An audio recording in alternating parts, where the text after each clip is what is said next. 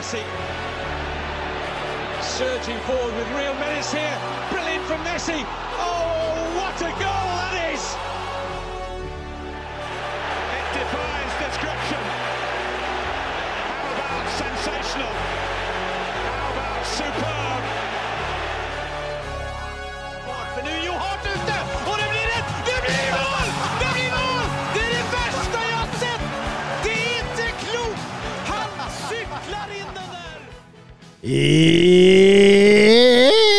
Ja da! Velkommen til episode 216 av den superpopulære fotballpodkasten 90 minutter. Med meg i studio har jeg som vanlig Mats Granvold. God dag. God dag, god dag. Og ikke minst Søren Dupkay. Hallo, hallo. Hei, hei, hei. Hvordan går det, gutta? Nei, jeg har det fint, jeg. Ja? Eh, Ny uke, nye muligheter. Det er jo hyggelig å sitte her igjen, da. Ja. Det er veldig trivelig å, å være her. Deilig å, å være tilbake i studio, Mats. Mm, en hel uke siden sist. Ja, Ja, ja. ja det går fort. ja, det går fort. Men, men siden sist så har jeg vært med i både eh, Dreierpack, altså den eminente TV-underholdningen til Søren Dupker, og Englandsposten, så jeg, jeg føler liksom at det bare glir nå, da. Ja. Hvordan, hvordan følte du det gikk at du plutselig var paneldeltaker og jeg var programleder? Det var veldig rart, men jeg, jeg satt hele tida og tenkte på det er sånn han egentlig vil ha det i 90 minutter. skjønner du? Mistenker, du mistenker meg å planlegge kupp her? Ja, det, det er et eller annet er i, er i gjære, det er jeg ganske sikker Men det må på. være enstemmig, eller i hvert fall overtall, for, Ja. at, for at vi bytter programleder. Ja, det, det, må, det er demokratisk. Ja. Ja. Men alle kan skrive seg på lista Ja, ja. ja, ja. av medlemmer. Sannsynligvis hadde det blitt 1-1-1 her, da. Nei, jeg vil ikke være det. Jeg veit mye tid dette tar, det kan jeg bare drite i. Ja, for det tar litt mer tid, og det merker vel kanskje du i dreiepakken din òg? Ja, det er jo klart. Det er jo mer arbeidsintensivt å, å skulle legge en kjøreplan og, og tenke litt på litt flere ting enn enn kun det å sitte i en podkast og være paneldeltaker. Ja, ja, altså, altså Jeg veit ikke om du føler på det, men jeg føler alltid på det at jeg, jeg føler jeg må ha 100 kontroll da, over kjøreplanen. Det er liksom eh, eh, Hvis jeg sitter liksom på en måte som paneldeltaker, sånn som jeg gjorde hos deg eller hos eh, Frode Lia i, i Englandsposten, så, så føler jeg liksom at jeg, jeg, jeg klarer å komme meg unna med noe. Jeg bør ikke nødvendigvis, men, men, men når du er programleder, så er det, det er en sånn forpliktelse, liksom. Ja, det er litt sånn ekstra ansvar. Jeg er inne. Mm. Eh, Mats, eh, lenge siden vi har hatt en Gjelleråsen-oppdatering. Eh, Åssen går det der? Eh, ja, nei, det går greit. Uh, vi, uh, vi kan godt skippe opptatt Nei da. Vi ligger på sjetteplass, så vi, vi ønsker å komme en plass høyere for å sikre, sikre direkte inn i NM neste år. Og så har vi store problemer på rekruttlaget. Det, det ser veldig mørkt ut akkurat nå. Så får vi se. Mm, mm. Men Ja, for dere hadde noe sånn der ja, Var det ikke noen Folkets kamp eller noe sånt? Ja? Publikumskampen. Ja. Noe, Ja, stemmer. det. var, Var det- var det mye bra folk. stemning? Ja, det var Ja. folk. Gøy, gøy, gøy. Eh, viktig å, å, å dra i samme retninger i en liten fotballbygd som dette her, er ikke sånn? jo, egentlig ganske mye folk til å være en så liten bygd som det er. Eh, Så er det bra, bra oppmøte fra, fra lokalbefolkninga der. Blir det servert vaffel, da kommer nittedølingene. Ja, det gjør det. Og, og kald pølse. Grill, grill, grilla, nei, kokt grillpølse. Det har jeg hørt at det er populært for tida. Ja, nydelig, nydelig.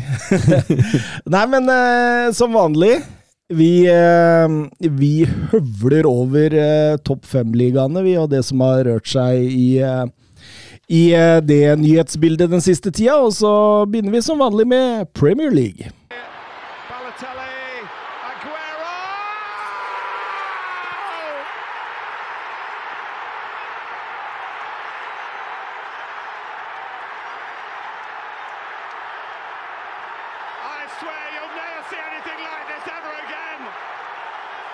So watch it, drink it in.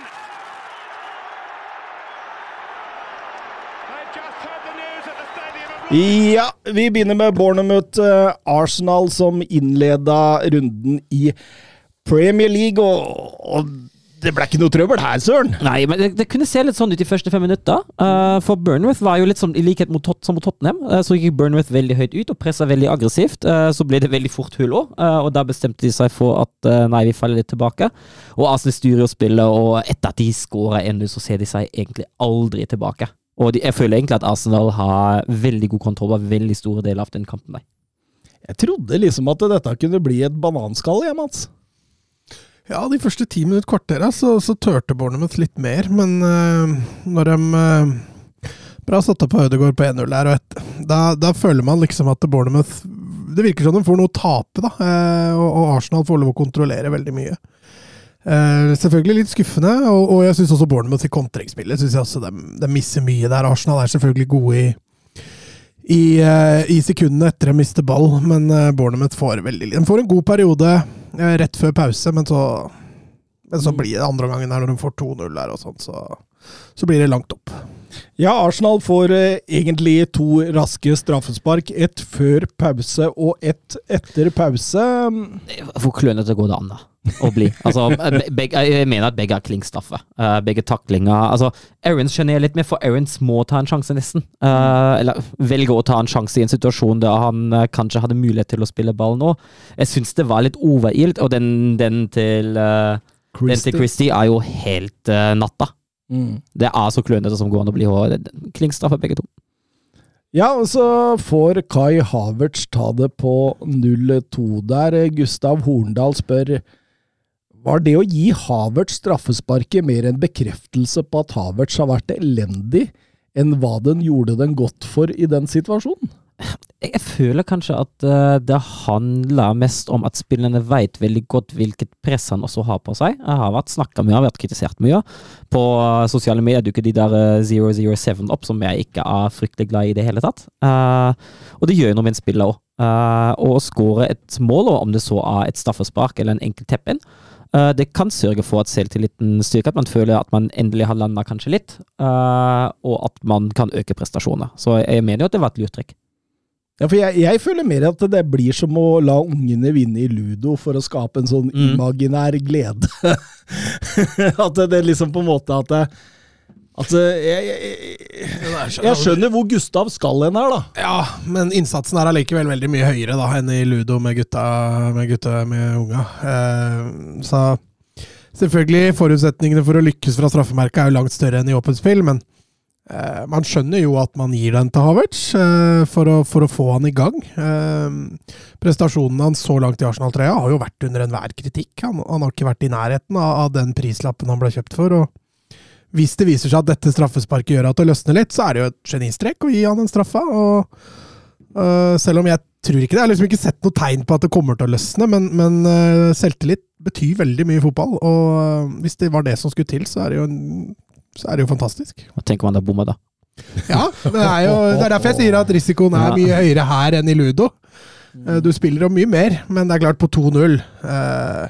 Og Arsenal hadde på dette tidspunktet veldig god kontroll på kampen, så jeg føler ikke at det var en stor risiko for Arsenal sin del heller. Nei, nei, men mest på han personlig. Ja da, skjønner du.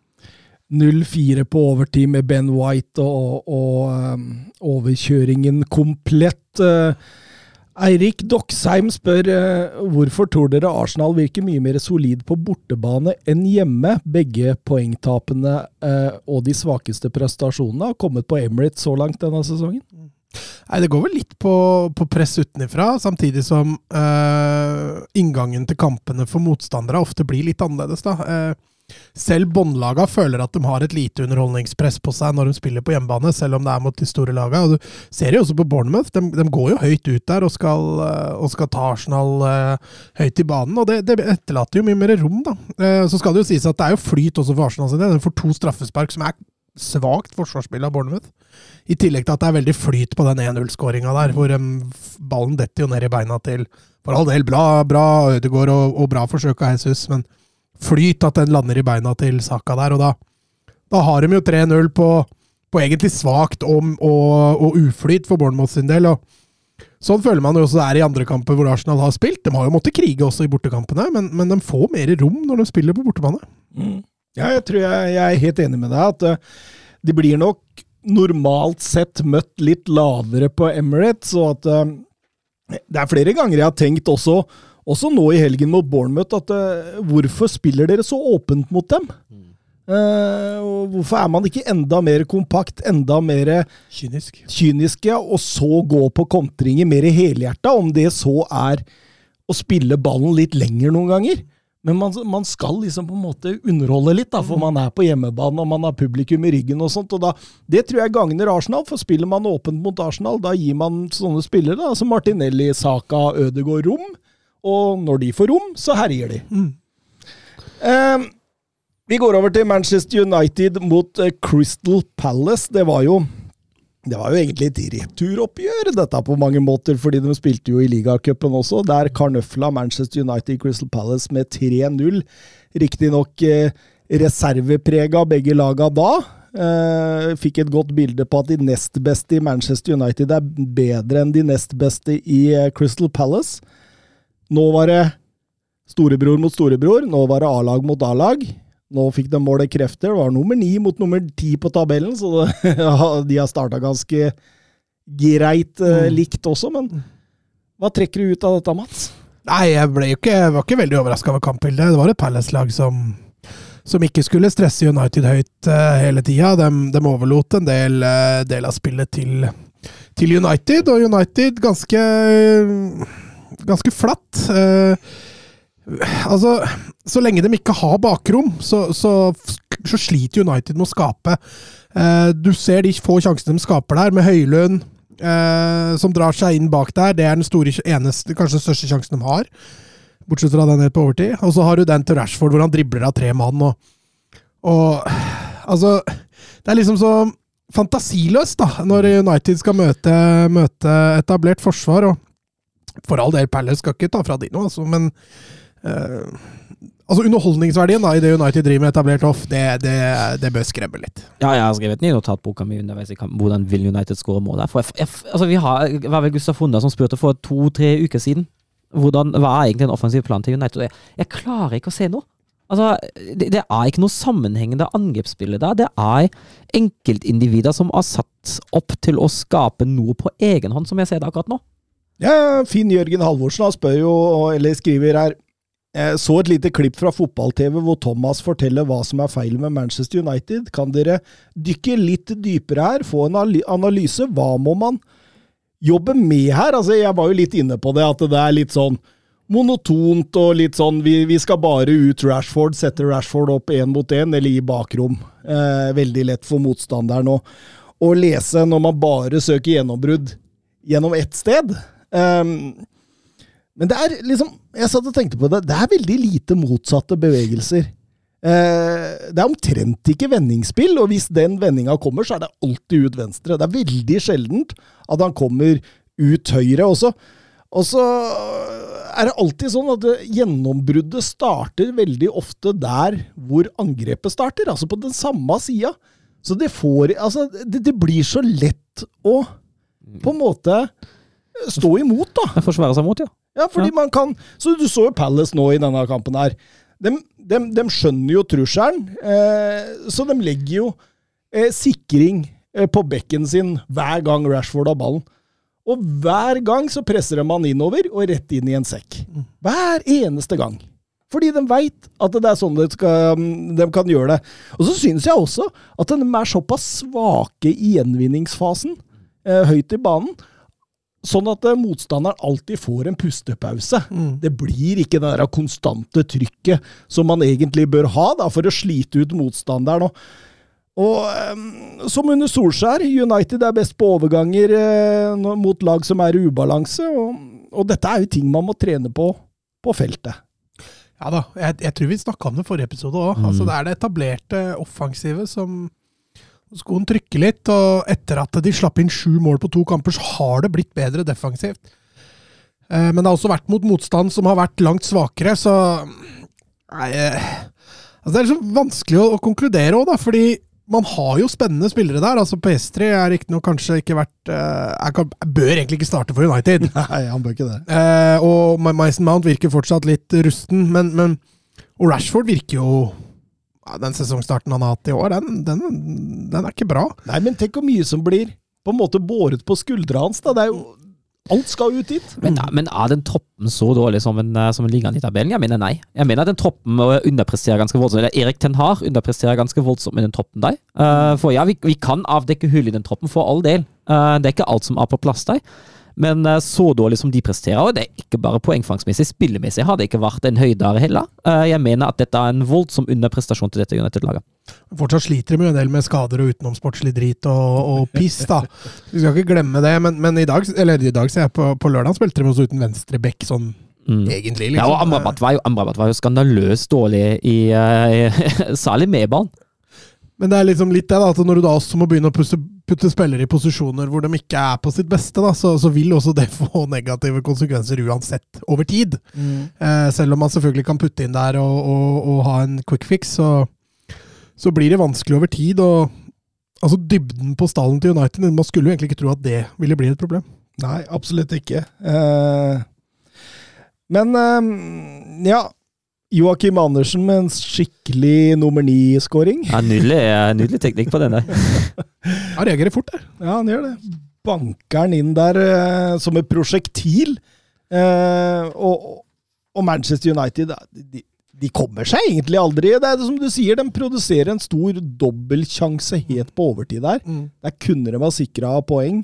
Ja, Garnaccio der som får, uh, får godt lege, mm. uh, men, men uh, treffer blokka der. De skaper riktignok litt trykk på slutten, her, men de klarer ikke å skape noen sjanser. Jeg tror også det kommer litt av at Palace legger seg på slutten der. De, eh, de står ikke lenger så høyt og, og tillater United. Og, og, det er jo akkurat her United sliter som mest. Eh, Vebjørn Fredheim, hva tenker dere om opplysningene rundt Erik Ten Hag? At han var en pådriver for å gi Mason Greenwood plass i Manchester United-stallen denne sesongen? Nei, altså Hvis det stemmer, er det jo eh, Det har han egentlig fått spill av sympatier. Uh, Veit ikke om det stemmer, uh, men fryktelig, fryktelig fryktelig skuffende om det skulle være sant. Uh, det er egentlig det jeg har å si om dette. Uh, grusomt. Ja, det er, det er sånn, det er, du veit jo egentlig at det er utelukkende sportslige grunner. Han, han, han skjønner jo sjøl at dette er feil, ja. men en Greenwood tilbake igjen i, i god form vil jo forsterka dette United-laget eh, mye på en posisjon, eller to posisjoner, da, hvor de trenger forsterkninger. Mm. Så, så, sånn rent sportslig så, så, kan man være kynisk og si at, eh, at man skjønner det, men samtidig så må man jo svare som søren at uh, han skal jo egentlig ikke spille toppfotball. Uh. Nei, men, men, men, så tenker jeg altså det. Han har brukt 80 mil på Anthony ut høyre der, hvor er en av posisjonene hans. Og så har han brukt ja, Hvor mye var det Høylund gikk for? 65? 75, 75 kanskje til og med også, ja. Så, så altså, han har jo brukt mye penger i de posisjonene. Så eh, sånn i utgangspunktet, når det svir av en, halv, en og en halv milliard da, på disse to posisjonene, så er det jo ikke det en spiller du normalt sett skulle ønska å hatt i klubben. da. Og, ja, men Poenget er at han første du nevner der, han er jo allerede suspendert for å slå kona si, så Ja! Som var opprinnelsen til nord for Greenwood også, så det er Det, det er en utsatt posisjon, det der. Ja, et kulturproblem, og, og, og de, de har De har jo klubbstrukturen, de utenomsportslige problemene vi snakka om, eierskifterotet som nok en gang har satt fyr eh, de siste ryktene, dagene nå. Ja. Mm -hmm. det er mye å stri med! Ja. Det er selvfølgelig mye å ta hensyn til. Du har også Sancho, som du ikke nevner der, som som også har eh, brakt litt hodebry inn i, inn i dette her. Eh, så jeg tror ikke Ten Hag var helt klar over hva han tok over, samtidig som han nok vil, ikke vil innrømme det. Så, så, har det nok blitt mye mer styr, og alt det utenomsportslige fra supportere og sånn, det kan man vel kanskje være forberedt på, men når det i tillegg blir så mye kål innad i spillergruppa, så kommer det til å ta Hadde han hatt hår, så hadde det vært sølvgrått tvers igjennom. Så dere intervjuet med Zlatan i dag? Nei. Han sa det at eh, han var ikke sikker på om Ten Hag visste hva han hadde gått til, for han hadde vært i begge klubbene. Og det er jo to helt forskjellige klubber å være i, som han sa. I den ene klubben så er man litt mer nedpå. Eh, man eh, driver først og fremst med talentarbeid. Man, man har ikke de sterke på en måte organismene rundt som krever og krever og krever. Mm. Så kommer man til Manchester United, en av verdens største klubber, og så og så er det et helt annet måte å drive fotballklubb på, liksom. Ja, det, det er det jo helt klart. Uh, men det er jo ikke sånn at man ikke har press i Ajax heller. Man ser jo det veldig godt i hva som har skjedd, uh, skjedd rundt Ajax sin kamp uh, i forrige uke. Det er ikke sånn at det er en helt forventningsfri klubb. Det er jo tross alt en av de største klubbene i Nederland, som er en topp ti-liga i Europa. Og det er jo en klubb som har en selvforståelse, som ser seg sjøl helt, helt der oppe i den nasjonale toppen, de òg. Eh, så ja, altså for all del. Uh, det er sikkert større tålmodighet i Ajax, og det er en ikke fullt så stor klubb som United, uh, men jeg er ikke enig i at det er litt som dag og natt. Nei, som ettermiddag og natt, kanskje. Ja, kanskje. Ettermiddag og kveld. Men ser vi noen løsning for Ten Haga? Jeg regner med Altså, jeg så på, på Bookmakers sånn sack race, og han var ganske, ganske høyt oppe på den lista av favoritter som kan få sparken, men tror vi han får sparken, liksom? Kan, kan han få la, la oss si de går en tre-fire kamper til nå. Ja, da tror jeg det begynner å brenne Mm. Eh, United, det er bare å se på historien etter Ferguson, det. De har hatt god, god gjennomtrekk på trenere der. og og eh, et United på nedre halvdel tror jeg aldri i verden kommer til å aksepteres over tid. Og den tiden tror jeg er ganske kort, så Men, men Ten Hag òg, da. Altså, vi har sett hva han kan få til. Vi så hva han fikk til i fjor. Eh, At, dem, at United nå går tre-fire kamper uten å vinne, det tror jeg ikke noe på. Jeg tror det blir noe seier innimellom der, og så kommer han til å få liksom litt mer tid, da. Men eh, at man må se fremgang i enkelte deler av spillet ganske kjapt, det, det tror, jeg, tror jeg helt avgjørende for han. Men kanskje det er Kanskje det er en blessing in the sky, da? At, eh, at uh, Manchester United-sjefene først og fremst tenker merkevare og profitt, og ikke så mye sportslige resultater som det mange andre Men gjør. det er vanskeligere å selge en merkevare på nedre halvdel i Premier League, så de vil jo merke det der også. Men det er klart, United ja, Jeg har ikke sett noe tall på det siste, men eh, det er vel fortsatt en av de aller største klubbene i verden eh, når det gjelder interesse. og og, og manges øyne rettes jo mot dem når det, når det, når det, ble, når det blusser litt. og Jeg tror ikke han har det så jævlig ålreit akkurat nå. Nei. Det var klubben som klarte seg best økonomisk under covid, så det, det sier jo ganske mye. Vi går over til eh, Wolverhampton mot Manchester City. En Pep Guardiola som var suspendert og hadde tatt plass på tribunen etter tre raske gule kort mot Burnley, Forest og, og Newcastle. og Eh, Et av Manchester City som røyk ut av ligacupen tidligere i uka, tross en god kamp av Oscar Bobb. og Rodri var suspendert, og eh, Bernardo Silva var skada, og De Bruyne er fortsatt, skada. mm. Ja. Eh, og- Ja, og så, og så møter man da Vi har snakket litt om Burnmouth som skal skape underholdning, og som skal være litt frampå ikke sant, på hjemmebane. og så møter man da et uh, Wolverhampton-lag som ikke tenker på noe av dette her i det hele tatt. For de legger seg bare bakover. De kjører kontringer fortrinnsvis via Pedro Neto. Uh, og Å, så god han var! Å, herregud. Ja, helt innom, altså, altså, Han var nære ballen ti ganger, men han var banens beste. ja, Nathan Akay tror jeg fortsatt snurrer rundt og ser etter Ja, ballen. det- definitivt. Nei, men altså, altså er det litt sånn det, det, det er litt sånn Altså, det går litt sånn trått med City i den kampen, da. De, altså, jeg har hatt noen kamper denne sesongen, jeg starta litt sånn trått og kommet seg inn i det etter hvert, men her, her blir det veldig mye balldytting.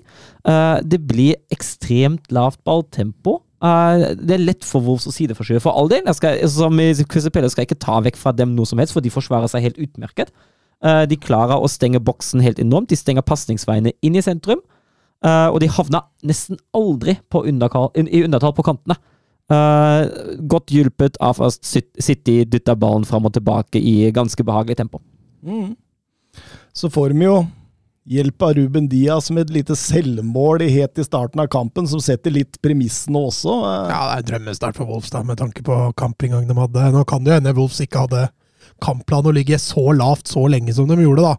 City er jo veldig gode til å spille motstandere lavt. Ehm, Men eh, kontring igjen, altså, hvor det går fryktelig fort, som starter ut hos Neto der, som, som drar seg inn, og Diaz han, han prøver bare å blokkere, så det er ikke så mye annet som får gått galt der. Nei, Wolfs leder jo til pausen 1-0 med null skudd på mål, en XG på 0,0. det er ganske, ganske heftig. Ja, det er å gå etter planen, er det ikke det? Jeg Det- tror det var helt perfekt.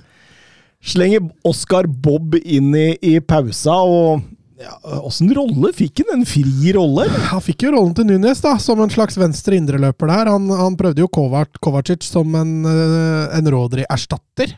Man så jo i det etablerte at det, det sleit med, for han, han var altfor utålmodig i posisjoneringa si.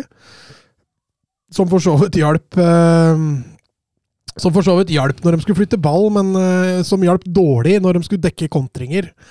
Eh, Oscar Bob følte jeg var en slags indreløper. Skulle ligge i rommet mellom stopper og bekk, samtidig som han skulle ligge mye nærmere midtbaneleddet for å prøve å trekke forsvarsspillerne litt ut av posisjon. Eh, får liksom ikke de helt store involveringene til å begynne med, men eh, jeg syns han kommer igjen greit fra det.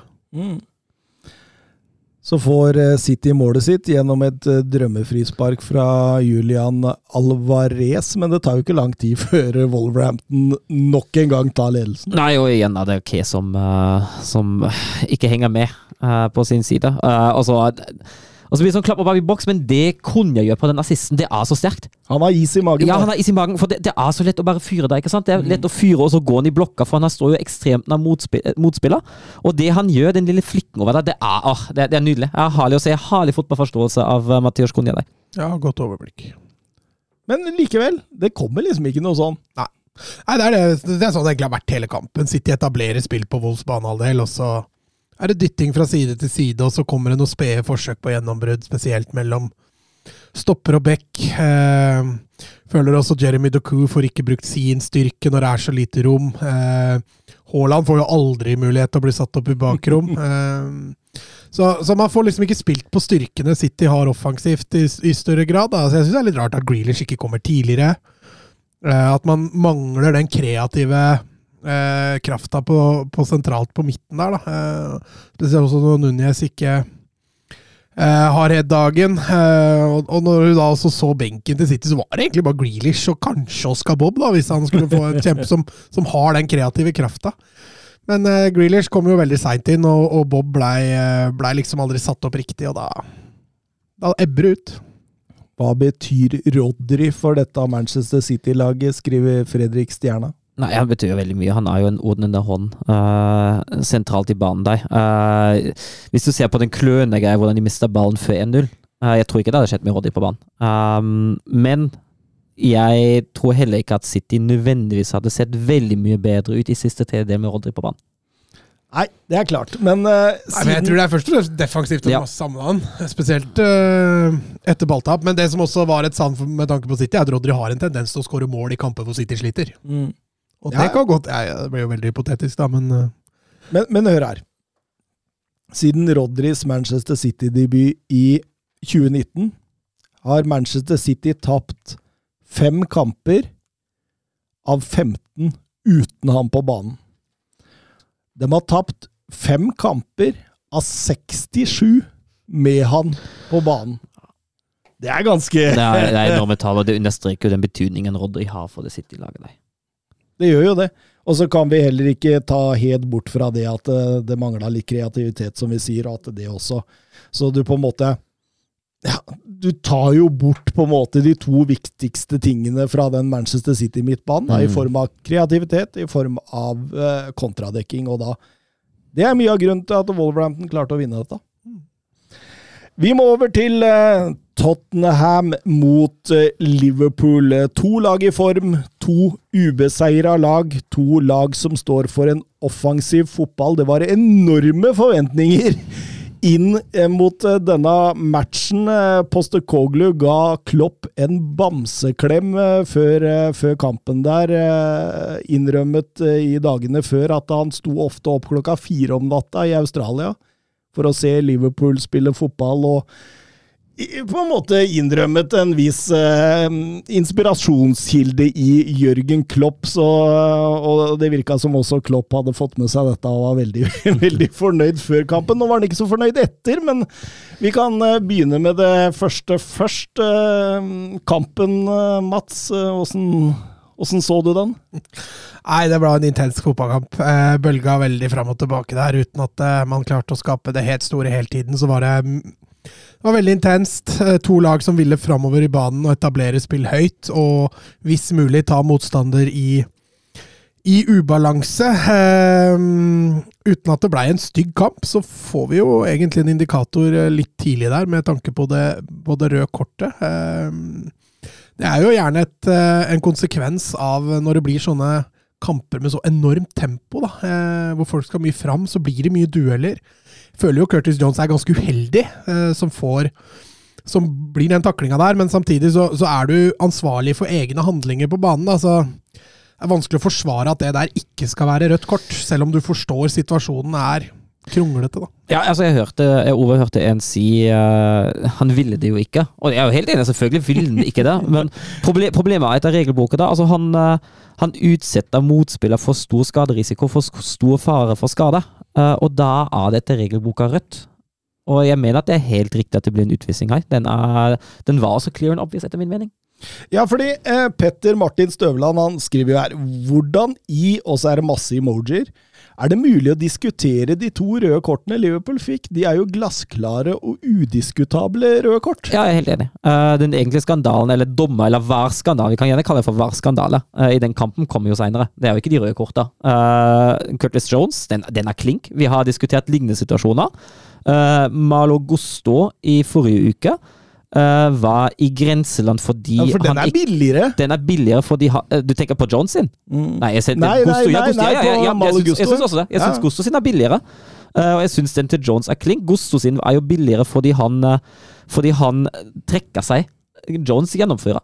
Mm. jeg tenker at den er, den er ganske klink. Og den til Jota òg. Altså, Altså, for, det er med idioti. Det er, det er så tullete. Og det, det er soleklart andre gule år ut. Det er, det er, ikke noe å diskutere i det hele tatt. Nei. Men uh, det er vel ikke noe å diskutere at Liverpool kanskje burde gått opp i ledelsen her, Mats? ja, og det er jo, det er jo grunn til å være svært misfornøyd med, med, håndteringen av den situasjonen der inn mot VAR og, og alt det som er rundt. Uh, nå hørte jeg rett før i studiet, fikk jeg høre lydopptaket fra, fra VAR-bussen. Og det er litt funny, for de skjønner jo kjapt at de har dritt seg ut. Uh, og og de får ikke gjort noe med det. For når dommeren setter i gang spillet igjen der, så har de ikke lov å gå tilbake igjen, eh, ifølge reglene. Og da, selv om de skjønner det med en gang at oi, nå har vi gjort en feil. Mm. Og det blir jo en skandale ut av det. Eh, Liverpool skårer jo egentlig et mål som skal egentlig stå. Ta ledelsen 1-0 med én mann mindre. Eh, vi har sett Liverpool i år har vært langt bedre, og det så vi i den kampen her òg, til å forsvare seg. Eh, ligge lavt, ta kontringer. Eh, kampbildet hadde selvfølgelig, tror jeg, hadde blitt noe annet uh, ut den matchen der. Uh, og sluttresultatet tror jeg også hadde blitt annerledes. Så jeg skjønner at Liverpool føler seg snytt. Samtidig så er det sånn hvis om at det dersom at uh, opplegg, og det er ikke noe vits i å bruke så veldig mye tid på det. Nei, fordi det som gjør det ekstra sårt, da, det er jo at Son setter 1-0 omtrent rett etterpå. Ja, og det målet der hadde jo ikke kommet hvis Liverpool hadde skåret.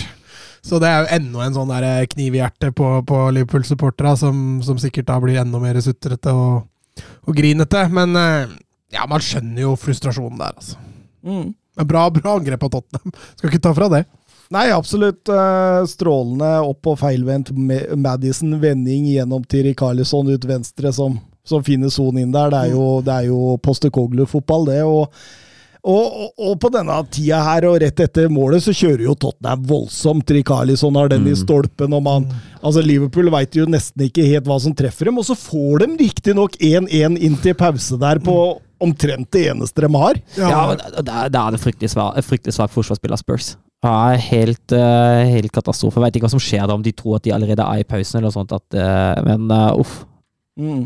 Ja, det virka som at man ikke var helt het på nett der, og, og når Louis Diaz er nær 1-2 også, rett før man blåser av der, så er det jo liksom sånn Nå må Tottenham ut og finne på noe, nå må man eh, ut og justere litt her. Og, og Tottenham eh, kommer ut i 100 i pausa og presser Liverpool eh, bakover i banen. Står skyhøyt med hele laget. Skal ikke gi Liverpool en centimeter der. Eh, men så har du alltid den risikoen, da.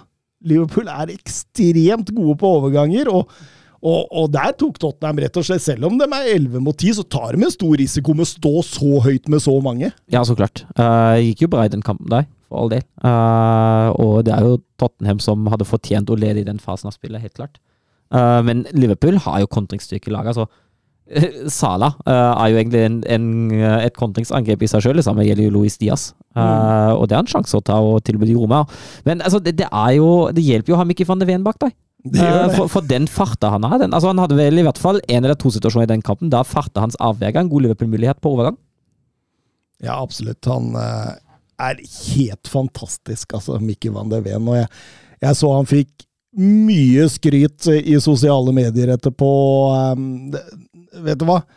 Det han leverer nå, da, det er så på så høyt nivå det at du nesten liksom Ja, nei, nei, det er noe, jeg veit det. ja, du, ja, men, du, du, man, man er nesten litt sjokkert. Mm. Og, og han har på en måte også tatt Romero opp på et nivå der som, som gjør at det ja, Nå har vi utropt eh, Tottenham-stoppere til Premier Leagues beste stopperpar tidligere, og, og, og falt så det sang et par måneder etterpå, så man skal være forsiktig Ja, med det, men- men det, det her ser bra ut. Men Altså. altså, Van- de har jo prestert konstant bra i Wolfsburg. Og det, altså, altså må man tenke seg at Niko Kovac klarte ikke å komme seg til topp seks engang i Bundesliga med Mikki van de bak der. Er- Men eh, Tottenham kjører og kjører, de strekker på Liverpool, eh, men Liverpool står godt med van Dijk og Matip. Jeg syns Matip har en god match, og så, så er det en innbytter med navn Diogo Yota da, som, som kløner det til med to raske gule kort, og begge soleklare. Ja. Og hva er det du tenker på når du allerede har gult der? Ja, nei, Den første situasjonen så løper han jo hjemover og, og kakker borti der. Jeg tror ikke det er veldig bevisst, men, men klønete.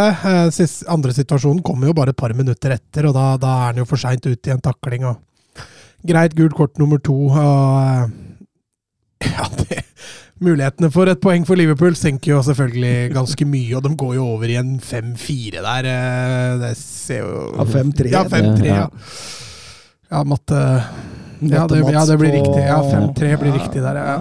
Så nei, altså, skjønner jo hva Liverpool går for der, og det er jo fullt forståelig. De, de må jo bare prøve å tyne ut det siste de kan der, og, og de gjør det jo bra.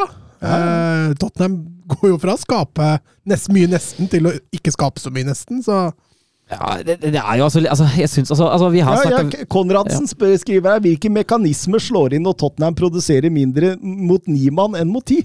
Ja, altså, altså Det er jo det, det ene er jo det psykologiske. At du føler at dobbel overtall Oi, nå må, du, nå må du på en måte levere. Nå er det såpass stor favoritt at nå, nå gjelder det. ikke sant? Nå forventer alle at den kampen har. Den skal du, da skal du skåre ett, to, kanskje tre til, og så skal du vinne den. Uh, og ganske lett fordi du spiller med to mann mer. Det er det ene. Eh, samt at Liverpool går jo i en ultra... Altså Fifa Park the Bus ganger tre. Uh, det, er jo, det er jo det Liverpool gjør, og da blir det jo vanskelig. Men, men jeg syns også altså Vi har snakka veldig mye bra med rette om Tottenhams angrepsspill uh, denne sesongen, men jeg syns kanskje det, de, den dårligste perioden, og nå må du rette på meg, Thomas Jeg har sett av Tottenham offensivt i hele sesong av de siste 20 mot Liverpool mot ni- mann. Eh, For, for da, altså Vi snakker om fravær av motsatte bevegelser hos Manchester United. Det, det er det samme som skjer med Tottenham. Det er veldig få motsatte bevegelser. Det er ofte balltrilling. Og Romero, som ofte kommer opp som stopper, som ligger på en måte sånn halvveis inn i løpet sin banehalvdel, han hadde mange ballkontakter. For og ofte ut på kant, og så avbryter så spiller du tilbake til Romero, så spiller han ut igjen på kant, så prøver du et gjennombrudd, avbryter tilbake til Romero, og sånn gikk det i ett sett. Og så ble det slått Det ble slått noen eh, hella eh, mer eller mindre planløse innlegg. Uh, det hadde Liverpool kontroll på, for de hadde fortsatt luftskyts inn i boksen. Uh, og da ble det vanskelig for Spurs å bryte ned. Så uh, spill mot ni syns jeg var dessverre forholdsvis svakt for Spurs. Ja, ja, det, det som skjer der, det er at den blir så veldig opptatt av å komme gjennom sentralt i banen.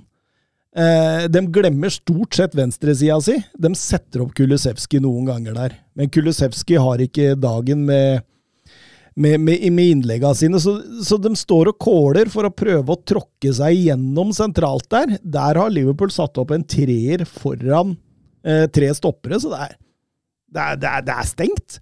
Du kommer ikke gjennom der. Det er ingen bakrom. Det er ingenting å gå på. Eneste altså, og, og, og det som Tottenham gjør feil her, det, det må jo begynne å brette ut spillet der. De må jo begynne å spille ut bredt begge veier, vende opp Liverpool flere ganger. Det skjer for sjeldent. Og derfor så blir det enkelt for Liverpool å stå i den blokka og bare forsvare seg. Det er jo ikke uten grunn at målet på overtid kommer som han kommer, med at Romero, da som du snakka om, finner jo Porro, som har funnet seg en høyere posisjon enn det Kulusevski normalt sett hadde. Han banker jo det inn bare på, på, på første, knallhardt, så hardt han kan. Og det er de tinga der man burde ha gjort mer av. Da hadde det blitt tre, da hadde det blitt fire, tror jeg kanskje. Men sånn som de spilte, det så nesten ut som de var litt sånn Ok, dette har vi ikke trent på. Hva gjør vi nå? Det virka nesten litt sånn. Jeg, jeg veit ikke, Mats, du som er trener for Gjelleråsen og står ned på feltet der uke inn og uke ut. Trener dere ofte på, på spill mot så Sjelden man spiller mot ni mann. Ja. Men det er klart, det er litt sånn som du sier, da. Altså, når det blir så trangt sentralt, da, fordi selv om du spiller med to mann mindre, og du velger å legge om til 5-3, så eneste punktet du strengt tatt tar ut mot det å spille mot ni, er jo spissen. Det vil da si at du kan flytte stoppera høyere og få vendingspunktene høyere i banen. Hvis du da vender med tempo mye oftere, så må den forsvarsfireren, skråstrek femmeren og midtbanetreeren flytte seg i mye større grad. Og, og det er jo de øyeblikkene, hvis du skal gjennom i midten, da, så må du få dratt ut indreløpera for å kunne skape rom foran stoppera. Og det er jo her Tottenham feiler fullstendig. For når, når man blir spilt i støtte på stopper, så utfordrer ikke stopperen. De klarer ikke å dra ut indreløpere. Og da blir man bare stående og dytte på ballen. Det så ut som en ishockey powerplay. Ja, ja. Og da Det er klart at når du da ikke har magikere da, som kan enten gjøre det på egen hånd, eller høyt nok tempo og presisjon, og så, så klarer du ikke å bryte ned da et disiplinert eh, lag. Det er vanskelig. det. Men når Matip eh, banker den ballen i må, eget mål som om han skulle vært en eh, verdens beste nummer nier, da tar hun på, på Tottenham Hotspur Stadium. Ja, jeg skjønner, den satt jo langt, langt inne. uh, og så er det jo noe spesielt med å slå et annet topplag på den måten der. Uh, overtidsseiere, de smaker Altså, det fins nesten Altså, nesten ikke noe bedre i fotball enn overtidsseiere. Uh, og når de kommer mot, mot en nær konkurrent, så smaker det selvfølgelig enda bedre. Torjus Hansen skriver her. Det er lov å være skuffa, men blir ikke dette Liverpool driver med nå noe, som- noe som ligner vedvarende sutring og syting? Klopp er raskt på at feil forekommer når det går til fordel Liverpool. Ja, det, og det, det, har, det har irritert meg lenge. Uh, jeg føler at det har vært veldig lenge sånn med Jørgen Klopp at når han vinner, eller når han får et resultat som han er fornøyd med, så, så er han supersympatisk, og alt er superbra. Men, altså, men hvis ikke det skjer, og hvis, hvis han har én liten ting å utsette, uh, så får alle høre det. Eh, og ja, jeg er helt enig i den offside-situasjonen. Dødsfrustrerende, jeg er helt enig. Men at de avslutter kamp med ni mann, de har de seg selv å takke på. Takke for. Uh, og altså, jeg husker jo altså, da, da den Hva var det den der med Den måtte spille 12-30 og istedenfor 15. Og, og så tapte de vel den kampen og jeg spilte uavgjort. Å, herregud, så synd det ble. Eh, hver gang det er noe med dommere som Altså, Hver gang det ikke er klink 100 til og med, altså når det er klink 100% så snart det kan tolkes minimalt i favør Liverpool, og det går imot Liverpool, så står han der og er dødsforbanna. Og eh, det er, det er så frustrerende. Ja, Og, altså, det- nå gjelder det ikke bare Klopp. Altså, det finnes jo flere eksempler på det. Jeg har ikke lyst til å bare, å bare slakte ham nå, men ah, kan ikke folk slutte med det? Kan man ikke bare anerkjenne at Jeg tror jeg ikke går. Ikke med Altså- de vinnerskallene som er. Nei, men altså, Jeg kjenner jo sjøl at det der vært Jeg dra, dra, dra det ut av proposisjoner, da, de sammenligner Gjelleråsen, men Men hvis noe sånt hadde skjedd med laget du trener, da veit jeg historien til Klopp, og jeg er selvfølgelig enig med Søren at han, han har en tendens til å skli ut når ting ikke går veien.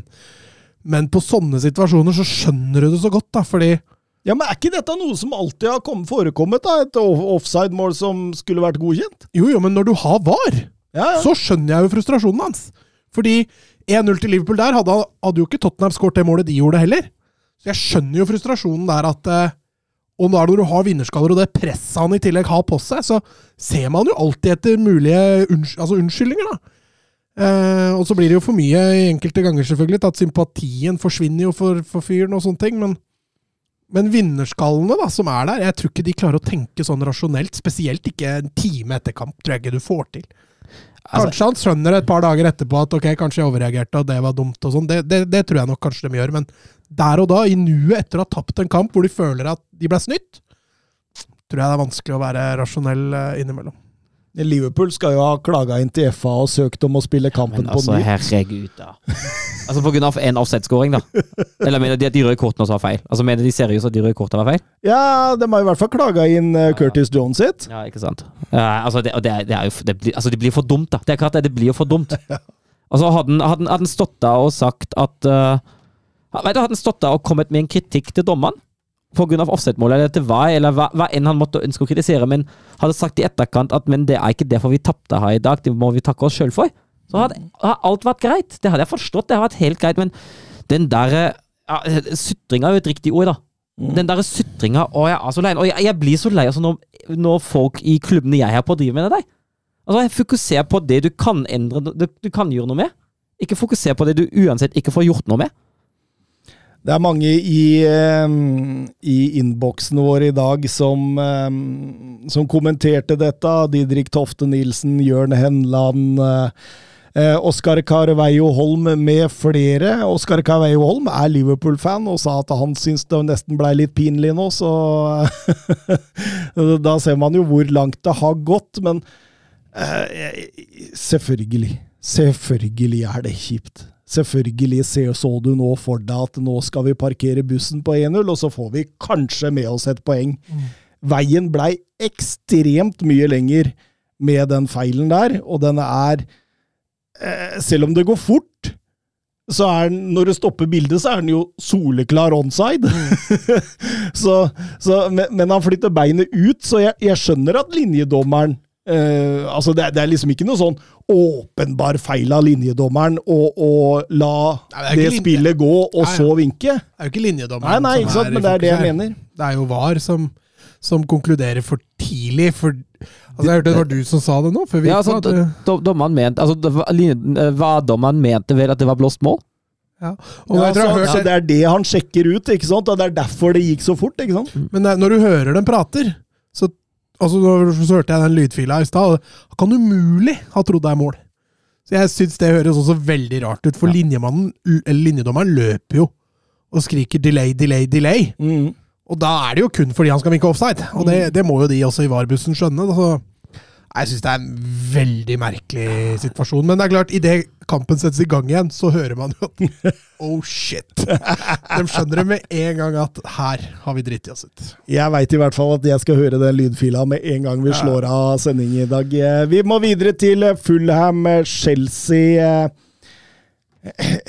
Et eh, Chelsea-lag som sliter med å skåre mål, men eh, i vips så, eh, så kom det to på under ett og et halvt minutt. Ja, godt hjulpet av, av motstanderlaget der. Og den første det er en feilberegning, og så har det godt gjort en fin pasning. Det har godt gjort av Modric, for all del, men Ja, Den pasninga til Colville er, den er nydelig. Er nydelig. Men det, det Ream driver med deg eh, på 2-0, er jo helt Altså Først spiller han bort ballen, og så, og så prøver han å, å redde stumpen og slå ballen i, uh, i Borja, og det blir 2-0.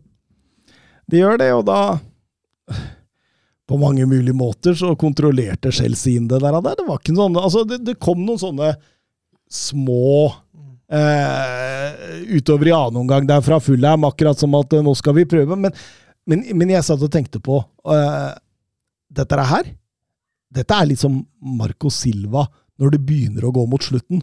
Når man har hatt toppen i klubben. Man så det i Watford, man så det i Everton. Nå ser man det i Fulham.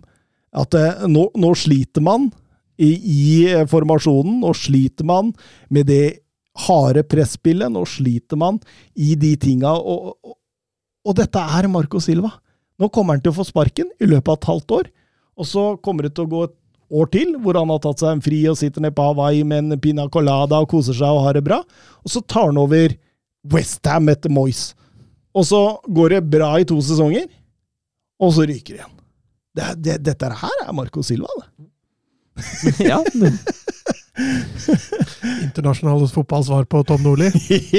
ja, det kan du godt si, men eh, Chelseas London-seier nummer, London Derby-seier nummer 150 eh, kom likevel ganske greit mm. ut av det. Skullerud fra kommentatorplass lurte på om man kunne friskmelde Chelsea, skriver Jakob Hoff til oss. Ja, altså, det, det, er to aspekter med det. Altså, jeg er ikke fan av å friskmelde et lag som har vært som det har ligget litt for etter én kamp. Uh, det må være en utvikling som man ser. Men så altså spørs hvor syk man har en Chelsea har vært. Uh, og vi har vært inne på det. altså Chelsea har jo altså Spillemessig, for eksempel, syns jeg United har sett langt bedre ut enn Chelsea denne sesongen. her.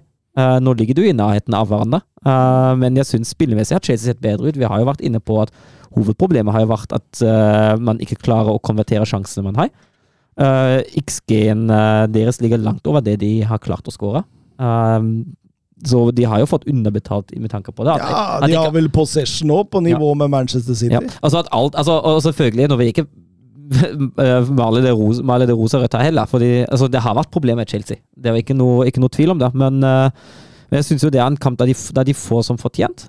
Uh, og så får man se om de har klart å løse problemer. Uh, men på generell basis en friskmelding etter én kamp, nei. Det er så bra når de starter den kampen med å brenne de to kjempesjansene der. Du tenker liksom 'å nei, igjen', liksom. Løsner det heldigvis, men fy flate for noen sjanser de brant i starten.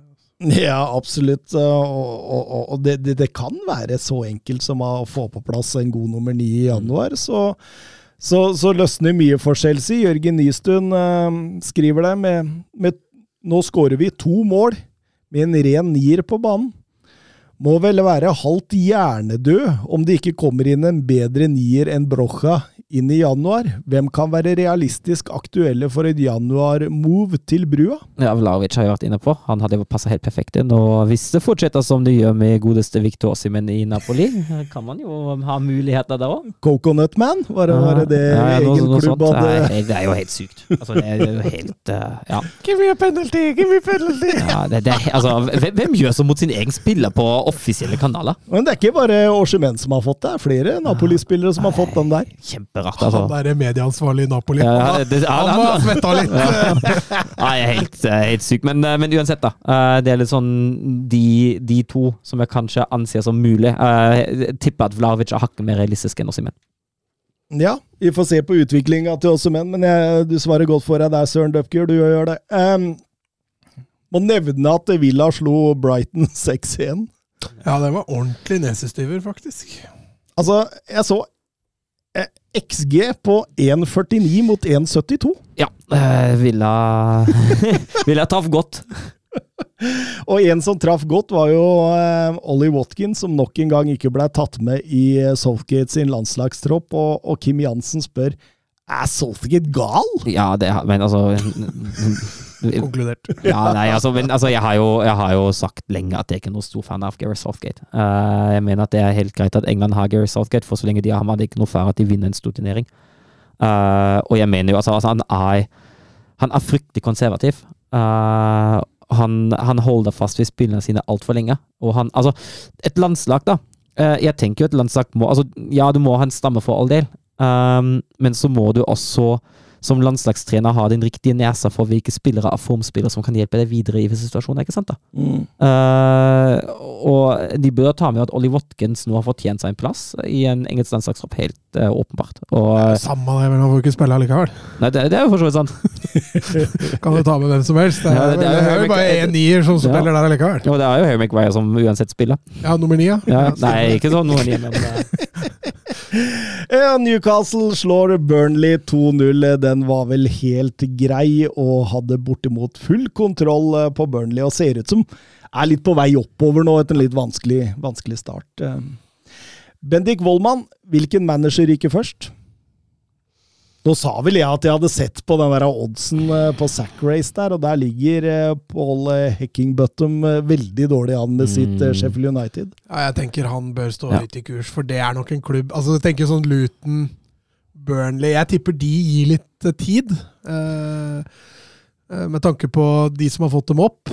Sheffield United tror jeg har et ønske om at de skal kjempe litt høyere, at de skal etablere seg. Og da tror jeg nok han ligger litt dårligere an, eller av toppklubben, altså, så er det jo Ten Hag, sånn som det ligger an akkurat nå. Og hadde, hadde Everton hatt uh, råd, hadde jeg jo sagt at Sean Deig også fort kan ligge litt dårlig an, men uh, veit ikke hvordan pengesystemet det ser ut der. Nei, for det er litt vanskelig. Jeg tror dere nevner dem nå. Um, Hacking Bottom um, og Sean Dyche. Det er vel kanskje de to det står mellom, sånn. Mm. Sånn og umiddelbart, i hvert fall, men uh, Nei, vi får se. Uh, vi går over til La Liga. Ja assistència de Xavi més cap a per Messi, Messi, Messi, Messi, Messi, Messi, Messi, Messi, immens Messi, encara Messi, encara Messi, encara Messi, encara Messi, encara Messi, encara Messi, encara Messi, encara Messi, encara Messi, encara Messi, encara Messi, encara Messi, gol, gol, gol, gol, gol, gol, gol, gol, gol, gol, gol, gol, gol, gol, gol, gol, gol, gol,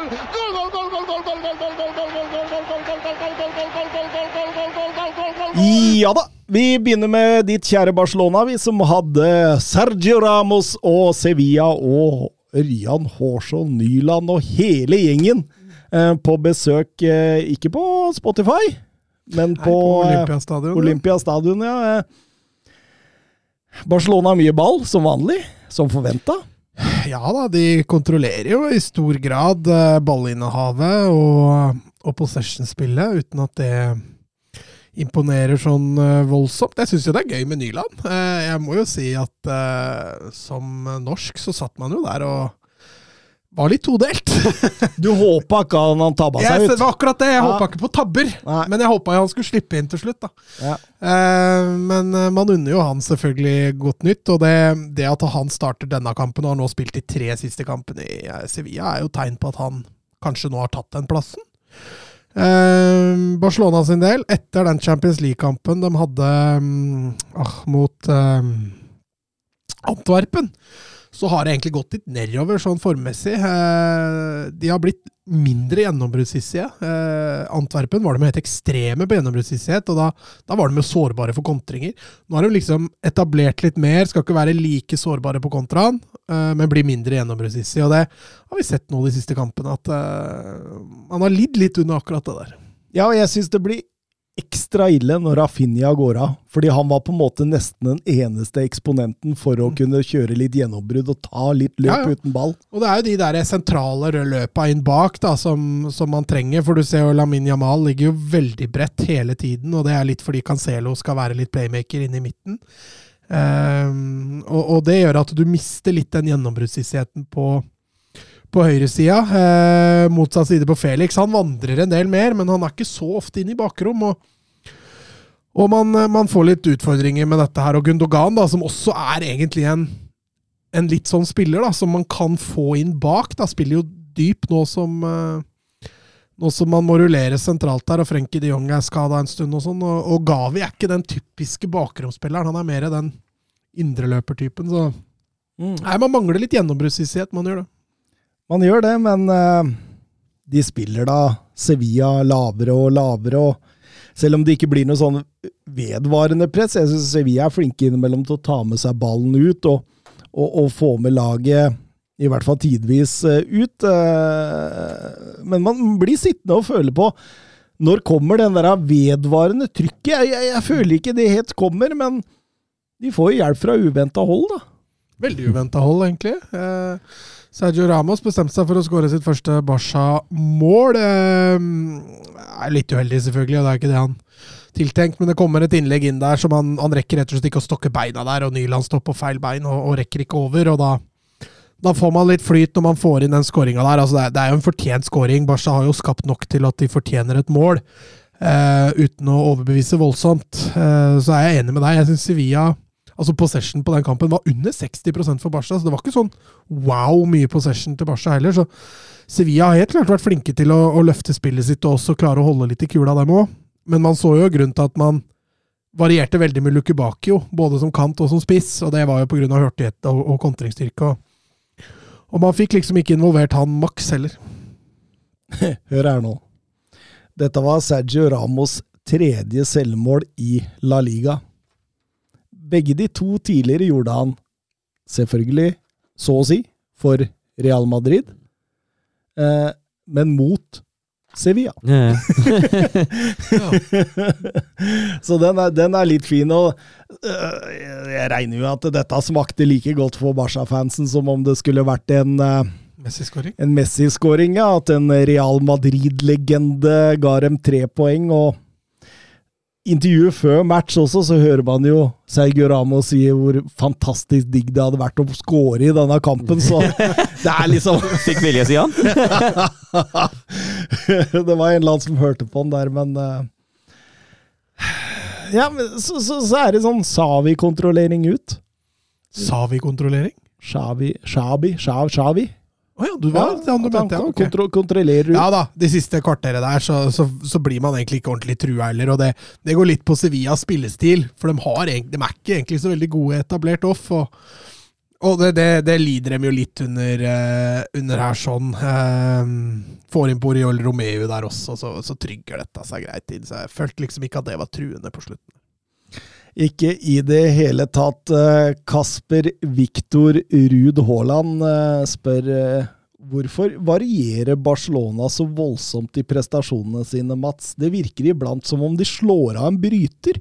Nei, men Jeg tror det går litt på det jeg snakka om i stad. Altså den, den variasjonen i hvor gjennombruddssissig man er da, i forhold til, i forhold til posisjonsspillet. Altså, jeg er helt enig med deg. altså, altså Rafinha er en litt mer gjennombruddssissig spiller, både med ball, men også uten ball. Eh, så sånn Barca er stilt opp i den kampen her, da, så er det egentlig kun Lewandowski som har litt sånn gjennombruddskraft i bevegelsene sine. Og det, det preger man jo helt klart eh, kampen av, at man skal kontrollere med ball og spille seg helt inn og, og sånne ting. Og når man møter lag da som er gode til å forsvare seg, så, så skaper man mindre. Og det var litt det jeg sa i stad. Antwerpen er vel egentlig siste kamp hvor jeg føler liksom at det har vært et sånn voldsomt kjør da, for for å skape sjanser. Og man har i større grad prøvd å kontrollere kampen etterpå. og det, det kan jo slå begge veier. Det ender 2-2 borte mot Mallorca, og så vinner man kontrollert 1-0 hjemme mot Sevilla. Jeg er for så vidt enig. Jeg vil heller se et Barca-lag som vinner 4-3 enn 1-0. Eh, Det er litt sånn Barca skal være. Men det er vel livet etter Lionel Messi, det, Søren? Ja, det er jo det. det er, uten tvil. Det er litt synd, men eh, Men sånn blir det, da. Det, det, det er ikke så lett å erstatte den, og du merker jo det. Altså, når man ser en Barcelona-kamp, eh, fortsatt den dag i dag, så føler man det mangler noe. Mm. Ja. Det er ikke like sexy, nei. Nei, det er, det er som en stue uten sofa, eller en, en, et soverom uten seng. Det mangler et eller annet der, men du, du klarer deg likevel.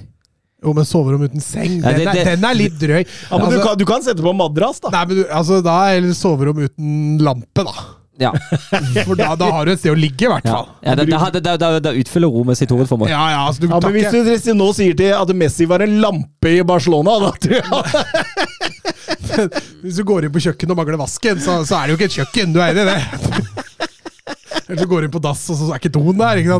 Det er ikke så stort, men Faen, har dere dass på dassen, holdt jeg på Ja, det er helt riktig. Vi har dass på dassen her inne. Ja. Vi, nei, jeg er helt enig. Det er noe som mangler. Eh, Det er ikke den Og det, det kjenner jeg jo på min egen sjel.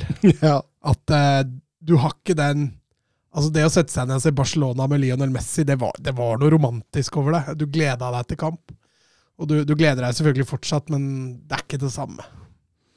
Men i Real Madrid der har legendene gått i tur og orden.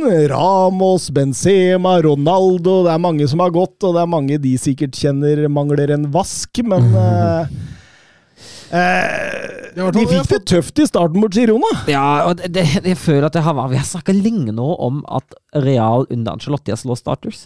Og det er de her igjen. altså Girona bør jo lede, lede etter f- før fem minutter er spilt. Ja, kanskje til og med 2-0. Ja, faktisk. Uh, for det er, det er to helt enorme sjanser de har i starten der. Uh, og Real uh, Altså Hva mot Sociedad? Sliter litt med det samme òg. At de klarer ikke helt å, å få kontroll på det. Kommer seg ekstremt seint inn i kampen. eh, klarer ikke helt å holde tritt med tempo som uh, motstanderlaget kommer ut med. Uh, blir nesten Altså eh, Det skulle vært overraskende om det ble sånn, helst. det virker det nesten som at de ble tatt litt på senga. Er det litt spenningsnivå der, Mats? I Real Madrid? Ja, det er det nok. Og så var det jo litt sånn altså Venitius tilbake igjen fra start var jo var jo, eh, var jo selvfølgelig gode nyheter for Real Madrid. Eh, Det at man da får litt bakrom å løpe i, kan jo hende det var litt planen. At man skulle legge seg litt lavere. Eh, Kamavinga tilbake igjen på sin berykta venstrebekk der. Så det var litt roteringer også i Real Madrid, men det er som du sier, når de først da våkner litt, så Og får den 1-0-skåringa. Fantastisk av Bellingham, den pasningen. var prime Modric, egentlig. Jude eh, De Brøne Bellingham. Ja, ja, ja. Klasse. Og Selu får en lett jobb der med 1-0, og da Altså, Girona har fått en kanonstart på, på årets sesong og spiller jo fin offensiv fotball. Eh, selvfølgelig fått inn mye artige spillere. altså denne Savinho har jo sett strålende. Chiganko, som vi skrøt litt av etter fjorårssesongen. Eh, Erik Garcia, som kom på lån fra, fra Basha der. eh, Litt shady Fikk hente Joao Cancelo på lån, og vips, så var Erik Garcia i City Group eh, Girona der. Men eh, det, jeg syns Girona har sett spennende ut. Men, men når Real Madrid først får 1-0 der, så, så har de et lite momentum, og, og tar bare litt mer og mer over den omgangen der. Ja, Shuameni Chouameni stanger inn 2-0 etter elendig markering. Ja, du var jo helt, helt aleine. Det var jo ikke markering, kanskje? Nei. Nei. Det er litt sånn når du ser- Det blir dumt å kalle det elendig markering når han ikke er der. Nei, men, men eh, nå, nå dobbeltsjekka jeg ikke det, men jeg tenkte umiddelbart når jeg så målet, at eh, For veldig ofte, når du setter opp spillere i sone og markering, så er det, ikke no, det er ikke alltid du har nok til å dekke alle på markering. At du da blir én som slipper markering. Ja. Og min umiddelbare tanke var åh, han var den heldige som slapp uh, markering denne gangen. Ja, ja. Så det er litt kan det, det var det som skjedde, men uh, det var i så fall uh, litt alarmerende at det lar Chouameni stå uten markering. Altså. Ja, og da får jo Real Madrid kampen akkurat der de vil ha han etter en hektisk eh, start. Og du ser også at den selvtilliten Girona kommer med fra start der, at den er så sakte, men sikkert eh, eh, dras ut av dem. og det kunne vært tre, det kunne vært fire der eh, før pause også. Bellingham har annet en kjempekjanse hvor Ja. han kommer alene hjemme mot eh, den tidligere Tottenham-keeperen Gazaniga, som, som står bak der. og Eh, og, så, og så prøver man å skape noe ut fra pausen der, da, igjen, men det er vel fort ut. Ja. Eh, det gjør det, når de ikke skaper de helt store sjansene der. òg. Real Madrid, altså det skal de faktisk ha. Vi har sagt at de ikke er så veldig underholdende offensivt til tider, og at det er Bellingham som har dratt mye av, mye av lasset. Men de har vært brukbart solide defensivt, til tross for at Militao og Courtois har vært borte. Altså Kepa har jo, har en bra redningsprosent. Han, han, har, han ligger an til å få årets Samora-pris, akkurat sånn det står nå. Så, så defensivt så har Real Madrid fremstått, eh, fremstått bra. Eh, og når du da i tillegg skårer 3-0, tre mål der, så, så har det vært en god bortekamp for, for Real Madrid. Altså. jeg tenker fortsatt da på de to markeringssviktene mot Atletico Madrid. Den, eh, Mm. det, det er vel kanskje unntaket som bekrefter regelen, i så fall. ja. Ja da, eh, og det er det. Jeg snakker litt mer også om at Real Madrid kan kontrollere kampene i større grad uten ball. Eh, og det, det er litt sånn Jeg tror det også er ganske viktig for dem, da, når de mangler den super toppspissen sin. Eh, André Schjelderup spør oss uh, Nacho sin takling på Portu må være noe av det jævligste jeg har sett denne sesongen. Og når Portu skriker av smerte, skriker Nacho en spansk versjon av Horenson i trynet på han. Kandidat til årets idiot. Ja, altså Jeg kan være å se for meg at eh, Sergio Ramos og Pepe de nikker i hver sin sofa anerkjennende til det der. Eh, det er sånn som jeg ser det for meg, men eh, den der, den der er noe av det styggeste jeg har sett på lenge, lenge, lenge. Den er, den er helt sinnssyk. Og den hjernedødheten da, å gjøre det da på 3-0 i tillegg, på overtid Ja. Altså, hva i alle dager som foregår? Dette, dette er en spiller som er 33 år gammel, som er offisiell kaptein for Real Madrid i denne sesongen. Hva, hva er det som foregår oppi hodet hans der? Altså, det er helt sinnssykt. Og altså, er det jo Det å utsette motspiller for det deg, er helt skandale. Altså, det Jeg fatter det ikke. Jeg har ikke ord for det. Det der er en takling på 0-0, hvor du går bort inn etterpå og beklager deg og håper at det gikk bra. mm. Det er ikke en takling på 3-0 hvor du går bort og roper eh, 'du er en sønn av en hore' på spansk.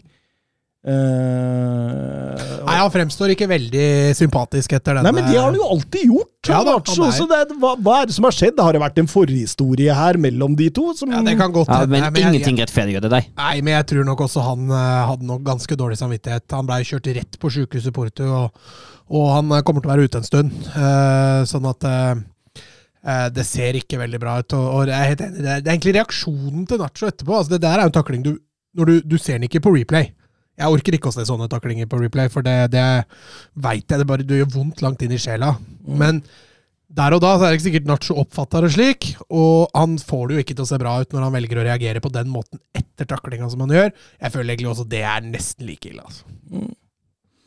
Vi skal til Real Madrids uh, arge byrival Atletico Madrid, som tok imot uh, Cádiz. og Atletico Madrid har funnet en god form etter 3-0-fadesen på Mestalla, bl.a. med seier i Madrid-derby, mens Cádiz sliter tungt med kun én seier på de siste fem. Så det var, det var jo ingen tvil om hvem som var store favoritter her, da, men de klarer på en måte, selv om det altså, jeg syns Atletico Madrid spiller en strålende kamp, omtrent fra første minutt til 90. minutt, men likevel så klarer man å gå til pause med 1-2 i sekken. Og åssen klarte de det, Mats? Altså det er som du sier, De starter fantastisk. altså Griezmann har noen fantastiske involveringer i starten av den kampen. der, og, og, og det er Atletico Madrid som egentlig bør ta ledelsen her. Og så kommer det Jeg tror Atletico føler seg snytt. Det kommer en takling, og det, det er jeg enig i, det burde vært frispark. Men flere Atletico-spillere stopper opp eh, og krever et frispark der. Dommeren blåser ikke. Alcadis får fortsette. Og vips så er det et løp på bakerste som ikke blir plukka opp, og, og da setter de 1-0. og og eh, tenkte jo først at den tror jeg var tar, for den er såpass clear and obvious. Men, der, ja. ja, men han blir ikke tatt, og da tar Kadis eh, ledelsen der. Og, og, men, men Atletico Madrid som sier det, bare fortsetter å male på. De kontrollerer ballen. eh, er ganske truende. Angel Korea var jo overalt en periode der. ja. Strålende. Og, og Griezmann eh, det samme der. Og så er Roger Marty som, som plutselig legger på til to du legger ut av ingenting. Og, og da, da ser det jo plutselig bekmørkt ut, til tross for at Atletico har levert en, en god halvtime. da. Men eh, jeg tror det var bra for Atletico at de svarer ganske kjapt. Uh, Angel Korea der, som, som bare et par minutter etter setter, setter 2-1.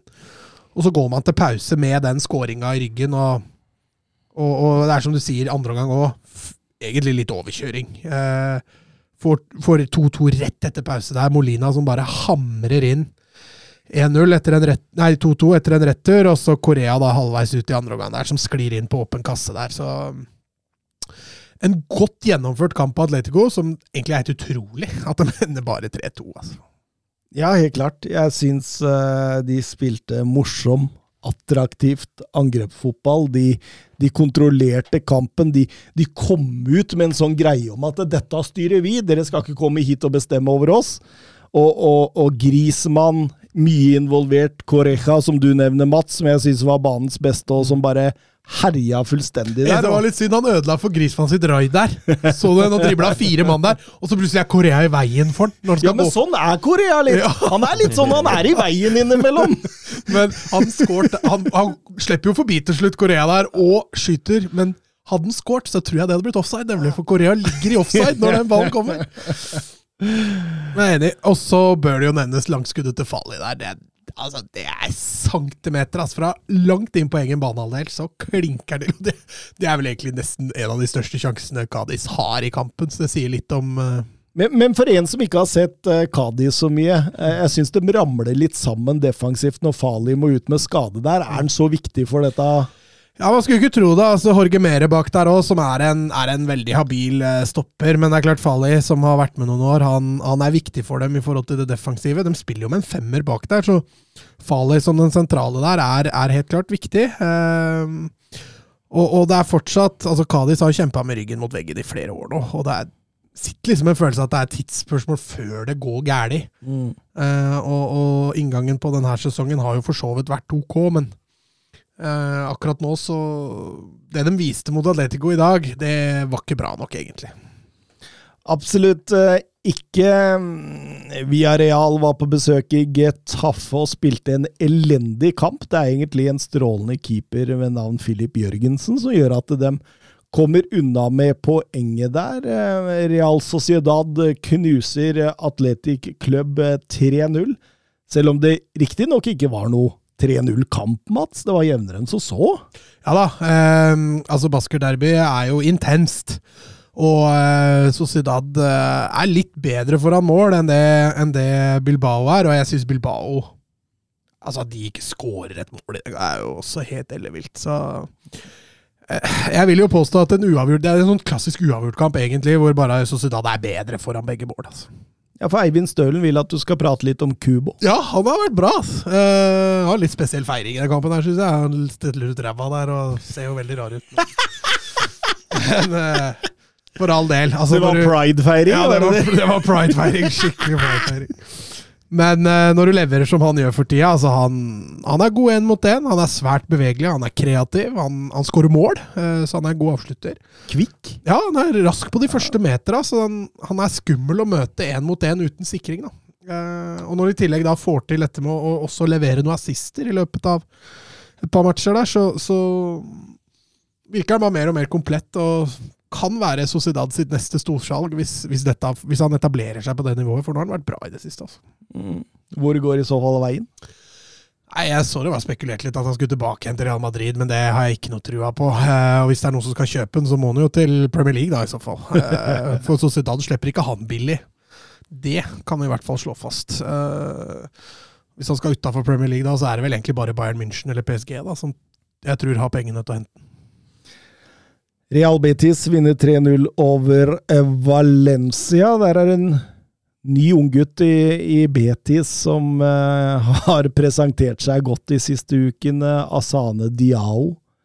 18-åringen som nettopp blei tatt opp i A-laget, har fått to mål på to starter så langt. og Virker jo som han på en måte har vært den lille på en måte den lille gnisten som man behøver offensivt i dette Ja, Betis-laget. Vi snakka jo litt hva var det forrige episode, hvordan Betis egentlig har overprestert litt, på tross at de ligger ganske lavt. Ja, Det var jo bare Empoli som hadde skapt flere sjanser, Ja. nei, mindre sjanser enn dem i topp fem-ligaen. Ja, og senegaleseren han har eh, tatt spennende spenn i inntog, han. Og det er det som er litt artig med Betis, de finner alltid noen sånne spennende, spennende unggutter innimellom som dukker opp der. og Får håpe han eh, slår gjennom, i motsetning til, eh, til han forrige unge argentineren, som ikke, nei, meksikaneren, som ikke klarte det.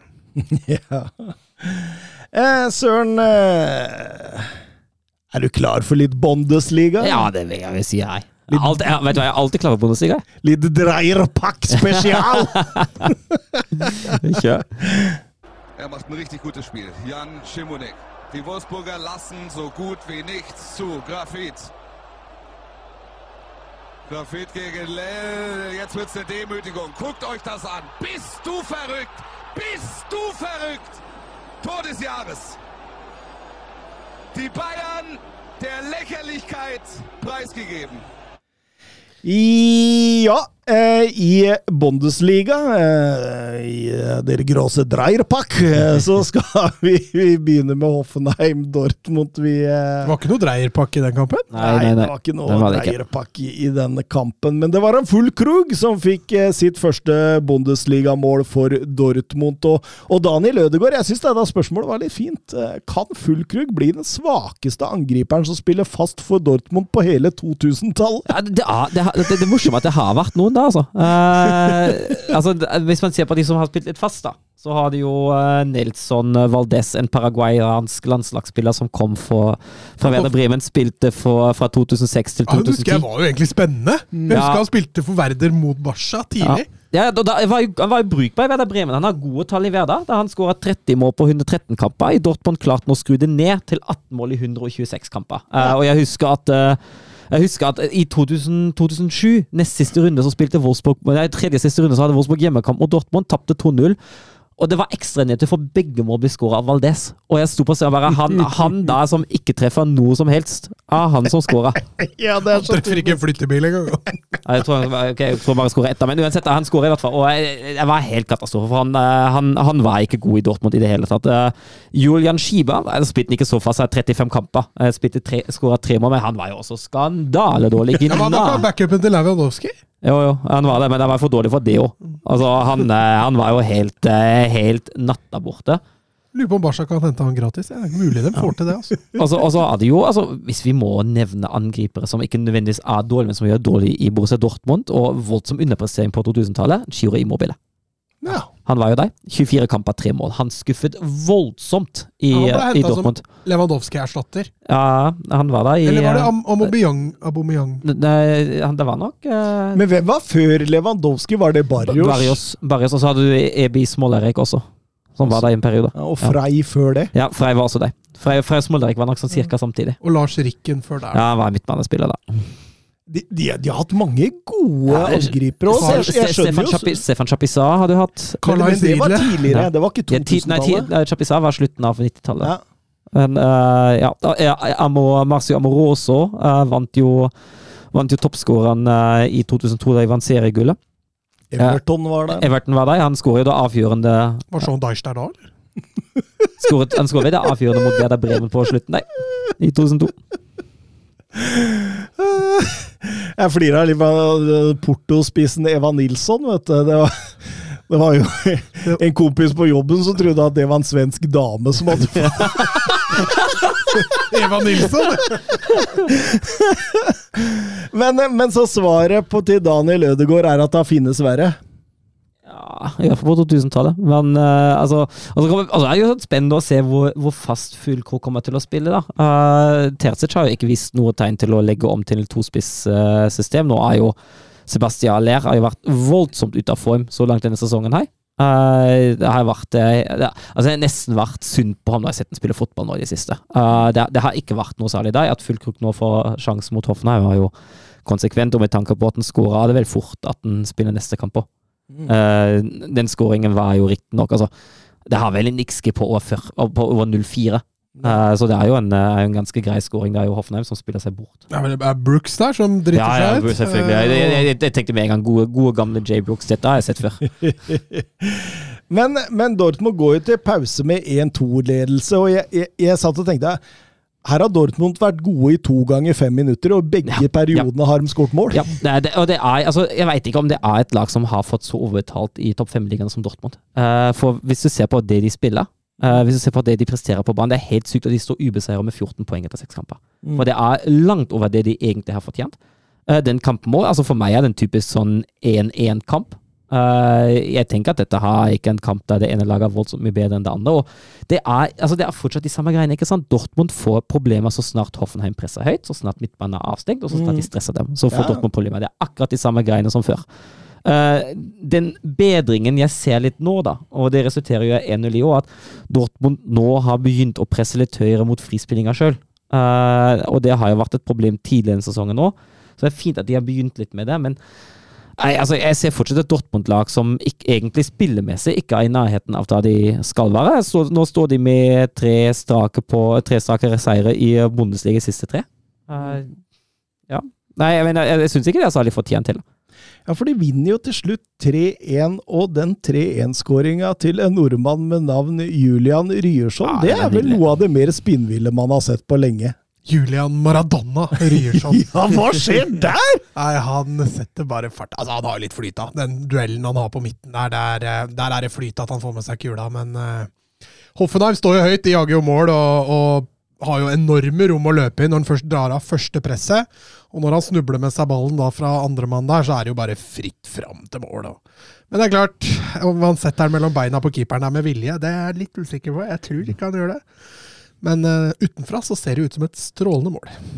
Ja, Det første jeg tenkte, det var Når du tar et sånt løp i det 94. minutt Og har spilt 90. ja, Ja.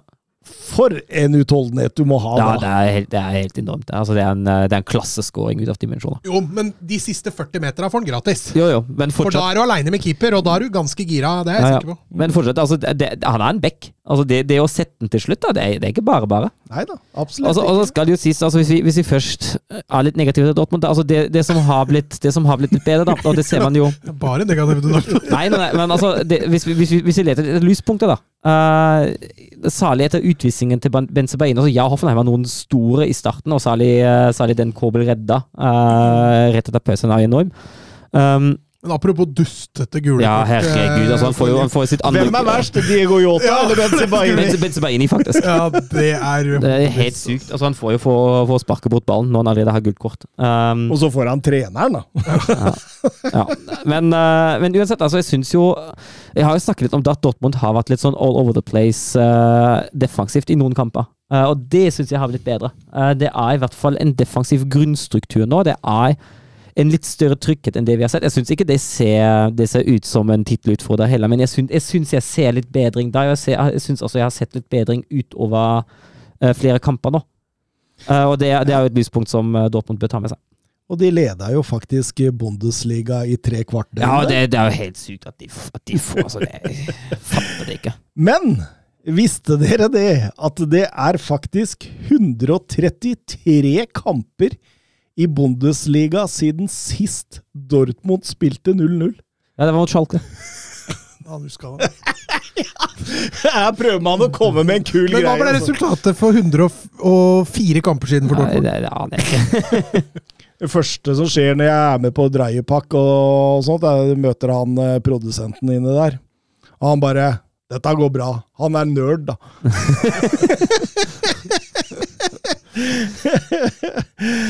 Wolfsburg-Frankfurt. Eh, det blåser en vind over Ja, eh, Wolfsburg for tida. En varm vind. Ja, det, En varm i bamsen. ja, jeg blir i hvert fall ikke sånn i bamsen av den vinden som blåser der. Eh, Helt riktig. Dekkeren blir varm i bamsen. Nei, men altså, det der altså, Frankfurt for den, for den serierunden det laget som produserte minst i XG i Bundesliga. Synes man så det også. Frankfurt har to gedigne. Den ene redningen som uh, Castell sa mot uh, Omar Mamouche, den er, den er enorm. Når han går løp mot uh, løpsretning og han skraper den ut. Men de to store sjanser Frankfurt får, uh, det kommer etter frispillingsfeil. Uh, ganske unødvendig frispillingsfeil men ellers har Wolfsburg full kontroll på dette. her. Jeg syns uh, jeg syns presspillet sitter. Jeg syns venstresida er ganske synlig. Jeg syns Bako på høyresida slår elendige innlegg, men, men det, er, det, det, det, er det som sørger for at det ikke blir så mange sjanser. Men jeg syns Han dro fram positiv, og så bare plutselig Jeg syns Baku slår elendige innlegg. Ja, men gjør jo det.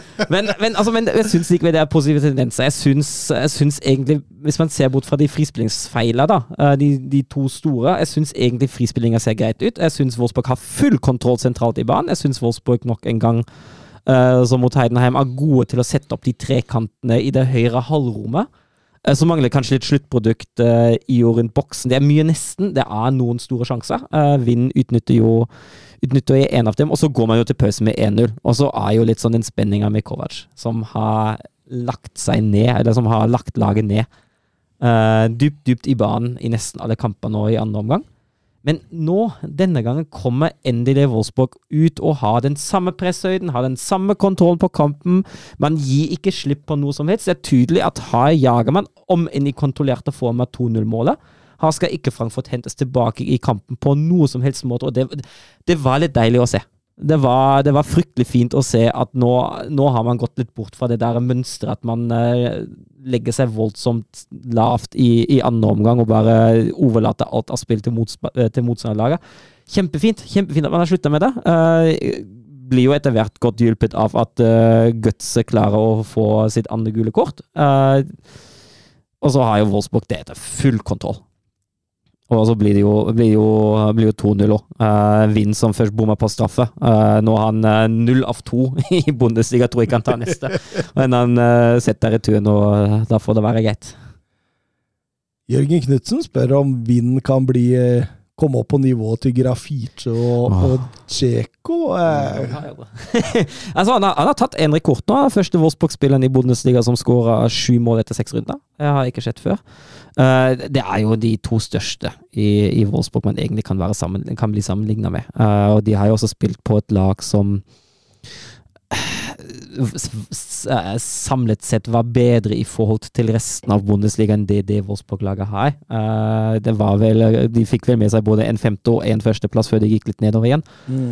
Uh, men det, det tror jeg ikke. Jeg tror ikke han klarer helt de samme tallene. Uh, han, han er litt sånn Han er inne i en voldsomt god periode nå, men han òg Veldig glad i spilleren Jonas Wind, men før denne sesongen her var han ikke den som skåret voldsomt mange mål. Uh, så han må, han må på en måte vise at han klarer å, å holde dette her over tid. At ikke det er et blaff, at han ikke plutselig går fem-seks kamper igjen uten å skåre. Uh, for jeg er litt usikker på altså han, Det ser veldig bra ut, og sjefen har vært ute og sagt at han har jobbet voldsomt bra med kroppen uh, denne sommeren her nå, når han ikke var på Roskilde og drakk seg skitings. Som, som han da også har gjort, men det skal være han vil rundt, det er hans ferie. Uh, men eh, jeg tror ikke det blir helt de samme tallene. Men jeg er veldig glad for at uh, man akkurat nå har en uh, spiss som skårer godt med mål igjen. Deilig, deilig, deilig. Uh, RB Leipzig, Bayern München, storkampen eh, i eh, denne Bundesliga-runden. Og Jeg, jeg må innrømme jeg ble ganske overraska når jeg så Goretzka og Kimmich tilbake i den defensive toeren her. Eh, spesielt i en slik kamp hvor man trenger balanse på midten. Ja, du så jo hvor Leima spilte. Han måtte jo ut på høyre bekk. Mm. Altså- Masraoia, hva skjer der? Nei, han, han tipper at han Jeg tipper at han ikke blir, blir stolt på uh, med den oppgaven mot, uh, mot Leipzig om å Altså, han er jo, han har jo litt defensive svakheter. Ja, for, Tror, tror du det er enklere å benke Masraoui enn Goretzka? Ja, det er det. ti av de ganger. Altså, altså, altså tipper jeg at Toril, Toril vil dette dit hen at uh, mot, mot Leipzig-laget, eh, så skal ikke han ha Masraoui, men jeg tror det hadde gått bedre med, med Leima sentralt og Masraoui på bekk. Ja, fordi Bernt Olav Gjellegjerde Hansen, som eh, vi veit følger ganske godt med i Bundesliga, han spør bommet Tuchel på inngangen her? Trodde Tuchel Leipzig, skulle stå lavt og kun ta imot? Ja, Han har snakka litt om det etter kampen, at han mente at planen i første omgang ikke var bra nok. Eh, han snakket veldig mye om at hans mål var å stå tre mot to eh, i frispilling og i sikring. Men det, det fungerte jo ikke. Eh, skal, kan jo berømme Leipzig og for den planen de har lagt opp. Uh, stengte jo Kimmich fullstendig av. Eh, godt situativt høyt press. Jeg syns jo Leipzig lå, lå veldig veldig godt mot ballen. Det var ikke noe rom for Bayern å bolte seg i, og særlig de sentrale områdene var det, var det ekstremt, ekstremt godt jobbet. Men ja, det virker som at Torhild bommet på inngangen. Mm. Jeg syns det, jeg også. Jeg syns Jeg syns at det, den på en måte Her ser de ikke helt hva som kommer. De virker nesten litt sånn dårlig forberedt. Ja, enig. Jeg er helt enig. Uh, og det, det er ikke noe overraskelse at Leipzig hadde den inngangen som de hadde. Det var, det var litt sånn forventa at de skulle ligge litt sånn halvhøyt, situativt presse høyt, være aggressive i gegenpressing og stenge de sentrale rommene. Mm. Og Og, og den får jo godt betalt òg, Mats. Ja, det er for mye rom å løpe på der uh, opp enda. Og bra gjennomspill. Det er vel Forsberg som spiller den gjennom der. Og, Jeg slager. Ja, slager. eh, og, Ganske like i håret, Mm, ja, ja. Eh, og når han kommer alene med keeper, så er det litt flyt der. For Kim Min-ja klarer jo faktisk å ta han igjen, eh, men setter fram en fot, og det setter Ulrich ut av, ut av spill. Men bra der, der utnytter de romma de får veldig bra. Altså. Og Baka- blir dratt ut der, altså. Ja, jeg Ja, han blir veldig brei, ja. Mm, Mm. mm. Jeg, jeg synes generelt Openda var, han var jo en stadig trussel i bakom. Jeg syns Openda gjorde en strålende kamp. Mm. Uh, ikke, ikke bare med, med hvordan han tror løp, men jeg syns også i den kampen her Han viser at han, eh, at han kan holde litt på ballen, at han også kan være litt sånn grei feilvendt. Ja, Uh, jeg syns han, var- han var strålende. Ja. ja absolutt. Um, rett etterpå så setter Lukeba 2-0 etter en corner hvor Ulreich er på skikkelig tur. ja, og Kim Minja, da. Altså, jeg er helt enig at hovedfeilen ligger hos Ulreich, men uh, Kim følger ikke opp. Nei, han gjør ikke det, og det er nok en gang svak keeperspill, svak forsvarsspill, og, og man setter seg i en posisjon her, Mats. Ja da, og, og Bayern som sikkert hadde lyst til å revansjere supercupen i- fra i august, de fikk jo en verst tenkelig start i den første omgangen der, egentlig. Ja, det var jo også Leipzig som nesten ødela, ødela gullhoppet for dem i nest siste serierunde Mm. på Allianz Arena uh, i forrige sesong. Uh, så klart de hadde noe å revansjere her, men uh, altså, jeg syns jo hele første omgangen, da Hvis man skal oppsummere den fra Bayerns perspektiv, at man er litt tilbake til de problemene vi snakket om tidlig i sesongen. At man ikke klarer å komme seg inn i siste tredjedel, at kantene blir isolerte, at balltempoet blir for lavt, og at man ikke finner seg rom i de sentrale områdene. Uh, og at man da, da blir satt ut av spill. Uh, det syns vi har sett noe lignende før, mot uh, riktignok dårligere lag, men det, er, det første omgangen er et skritt tilbake. Ja, du så Harry Kane, han var ganske frustrert. Ja, ganske anonym. Eh, altså Han begynner jo å droppe etter hvert der òg, for å få litt kule. Og da, da blir plutselig trusselen framme mye mindre òg, så det var et Bayern-lag som, som sleit med å både etablere og skape. Eh, veldig godt gjennomført første gang i Leipzig. I annen omgang så hiver, eller til annen omgang heter det, så hiver eh, Tuchel innpå Gureiro og for Goretzka og Koman. Og, og Milos, som er eh, Bayern München-fan, han skriver andreomgangen eh, mot, eh, mot eh, RB Leipzig er årsbeste. Men når skal Tuchel erkjenne at Goretzka ikke fungerer? Nok en gang er Bayern overlegne uten han eh, på banen eh, når han blir erstatta av Greiro, Virker som det svakeste punktet i elveren nå etter Ole Reich. Ja, altså akkurat nå har han jo helt rett. Uh, og altså fungerer det i hvert fall ikke sammen med Kimmich heller, for de spillertypene de blir litt for like i det Bayern-laget der. Eh, det er, du er inne på det, Thomas, det er ingen, ingen sikring. Eh, og så er Jeg syns Goretzka er så dårlig til å finne rom om dagen. Jeg syns han, han gjemmer seg nesten, altså. Ja, og, Og- Kimmich ser bedre ut med Limer, Ja. fordi da får han mer av den playmaker-type rollen. Eh, jeg syns Goretzka Altså, Den første omgangen han gjør, er jo elendig. Mm. Eh, Både defensivt og offensivt. Han tar mye feil valg. Han, han er ikke noe særlig god presspiller. og nå, altså Du skjønner nå hvorfor de leita med lykt og lupe etter eh, Declan Rice, etter mm. Palinja, de, og, og få inn en sånn en ved siden av. Ja, altså, først leita de, så ombestemte de seg, så ombestemte de seg igjen, da. Men, eh, ja, eh, og det, det er jo Altså, er det han som skal spille den rollen? uh, hvorfor de egentlig ombestemmer seg og ikke skulle ha en N etter at Declan Rice ikke blir noe av, er jo lei meg, men nå brukes han på høyrebekk fordi man har, man har kvitta seg med både Stanisic uh, og Pava uten å hente en erstatter der. Nå trener Jerome Boateng med laget, for nå uh, Ja, ja, ja. De vurderer oss, og ja, ja, ja, det, er- det er ikke kødd. Altså, vi snakker Er ikke, han i fengsel ennå? Nei, nei, nei, han, han tror jeg vel frikjent. Men eh, Jerome Boateng, altså en stopper, du, du er inne på de utenomsportslige greiene hans, men det er en stopper som blir avskilta i et høyst middelmådig Olympic Villillot-lag i, eh, i forrige sesong, som fikk åtte seriekamper, og én av dem over 90 minutter. Han skal nå inn, men eh, jeg tipper at de fikk panikk. De, De, de, Lirt, de Lirt er ute nå. Opomikano og Kim er ikke 100% friske. Eh, I cupkamp mot Münster midtuke forrige uke spilte de med stopperparet Masseroi og Goretzka, og da tipper jeg at Bayern-sjefene Bayern-sjefene fikk litt panikk og bare Oi, her mangler det noe. Men det er altså Det er helt sinnssykt for Bayerns overgangsvindu sett under ett. Det er jo ikke et dårlig vindu, men den slutten der, den der, det der kaoset på slutten, det er så utypisk Bayern, og det skal ikke skje i en så stor klubb. Jeg tror, tror rett og slett for mye ressurser og tid gikk til Harry Kane. Mm. Men, altså, men han, var jo, han var jo i land, han spilte jo første seriekamp mot Veda Bremen. Og da har de jo fortsatt flere uker på deg til å Jeg, jeg fatter det ikke. veldig, Altså, veldig, veldig rart. ja, og, men altså da, det det, var, det var en avsporing, men altså kamp, Ja, og kampen går jo åpenbart mye bedre uten Goretzka. Den gjør jo det. ja, det blir straffespark der som Harry Kane setter. Det blir en Leroy Sané-skåring der, hvor Sané parkerer slager og triller inn 2-2. Og ja, ja, først så gir en bort et straffespark ganske enkelt, og så er det en offensiv markering etter en eh, kontring.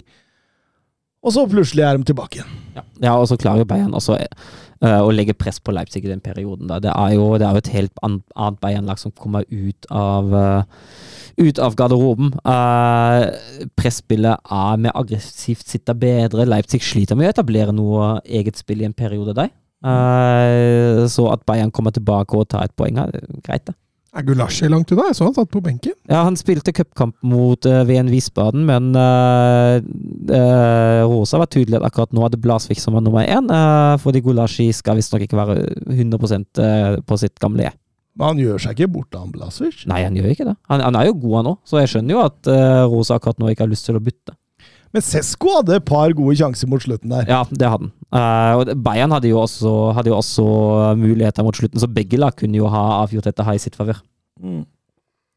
Nydelig, nydelig. Um, det blei 2-2 uh, i toppkampen, eh, noe som gjorde at uh, Leverkosen fikk eh, tabelltopp etter 3-0 borte mot, eh, mot eh, Mainz, eh, Søren. Ja, ikke, ikke helt fullt så overbevisende som de andre Leverkosen-kampene denne sesongen. Da. Med et effektivt uh, Leverkosen-lag, godt hjulpet av et sjølmål og en frisparkskåring av uh, Grimaldo, uh, Mats sin gamle favoritt, eh, som har vært eh, helt enorm i, i Bayer Leverkosen. Eh, men Det forutså vi. ja, Det at ingen snappa opp han tidligere, det har vi sagt siden 2019. Ja, Mats har sagt det siden 2019. Jeg har foreslått han for alle klubber, jeg. Men eh, det, det er en sånn, det er en sånn Bayern-like kamp, egentlig. Altså At Leverkosen vinner da 3-0 på en eh, middels minus-dag. Det, det, er sånn, det, det er sånn topplag gjør. Ja. Union fortsetter å tape. Ja, fire strake på tap nå. Jeg vet ikke om dere skal se den i Champions League. Vi kan Jeg så det var 2-2. ja, leder 2-0, tapte 2-3 på overtid. uh, så Det flyter ikke Nei, nå er vi på altså, fire strake tap i Bundesliga. Seks strake tap uh, i offisielle kamper nå. Eh, denne gangen 1-0 mot, uh, mot nyopprykka Heidenheim. Eh, nei, det, det flyter ikke i Union Berlin om dagen. Det gjør ikke det. Stuttgart fortsetter å fly høyt om dagen og vinner 0-2 borte mot et, et Köln i krise, kan ja, man si det. Köln-krise. Både Köln og Mainz står med ett poeng, uh, og det ser jo det ser ikke bra ut. Og Og når ikke Gurashi Ja, skårer, det er så er det Ondaf. Ja, Dennis Ondaf. erstatter han til, til Girassi, som kommer inn og, og skårer to mål. Det er jo Köln eh, Altså, Stuttgart, eh, Stuttgart fortsetter, og Köln sliter vel. Altså, Det ser ikke helt ut som et Steffen Baumgart-lag om dagen. Det er veldig lite offensiv punch i det laget der nå. Mm. Og det kan bli et problem. De, de neste som Köln har nå, de er tøffe. Det er derbyene mot Leverkosen og mot München Glattbar som venter nå. Absolutely. Vi må en tur over i Serie A. era il marcatore di Cannavaro. Palla tagliata, messa fuori, c'è Pirlo, Pirlo, Pirlo, ancora Pirlo di tacco, tiro, gol,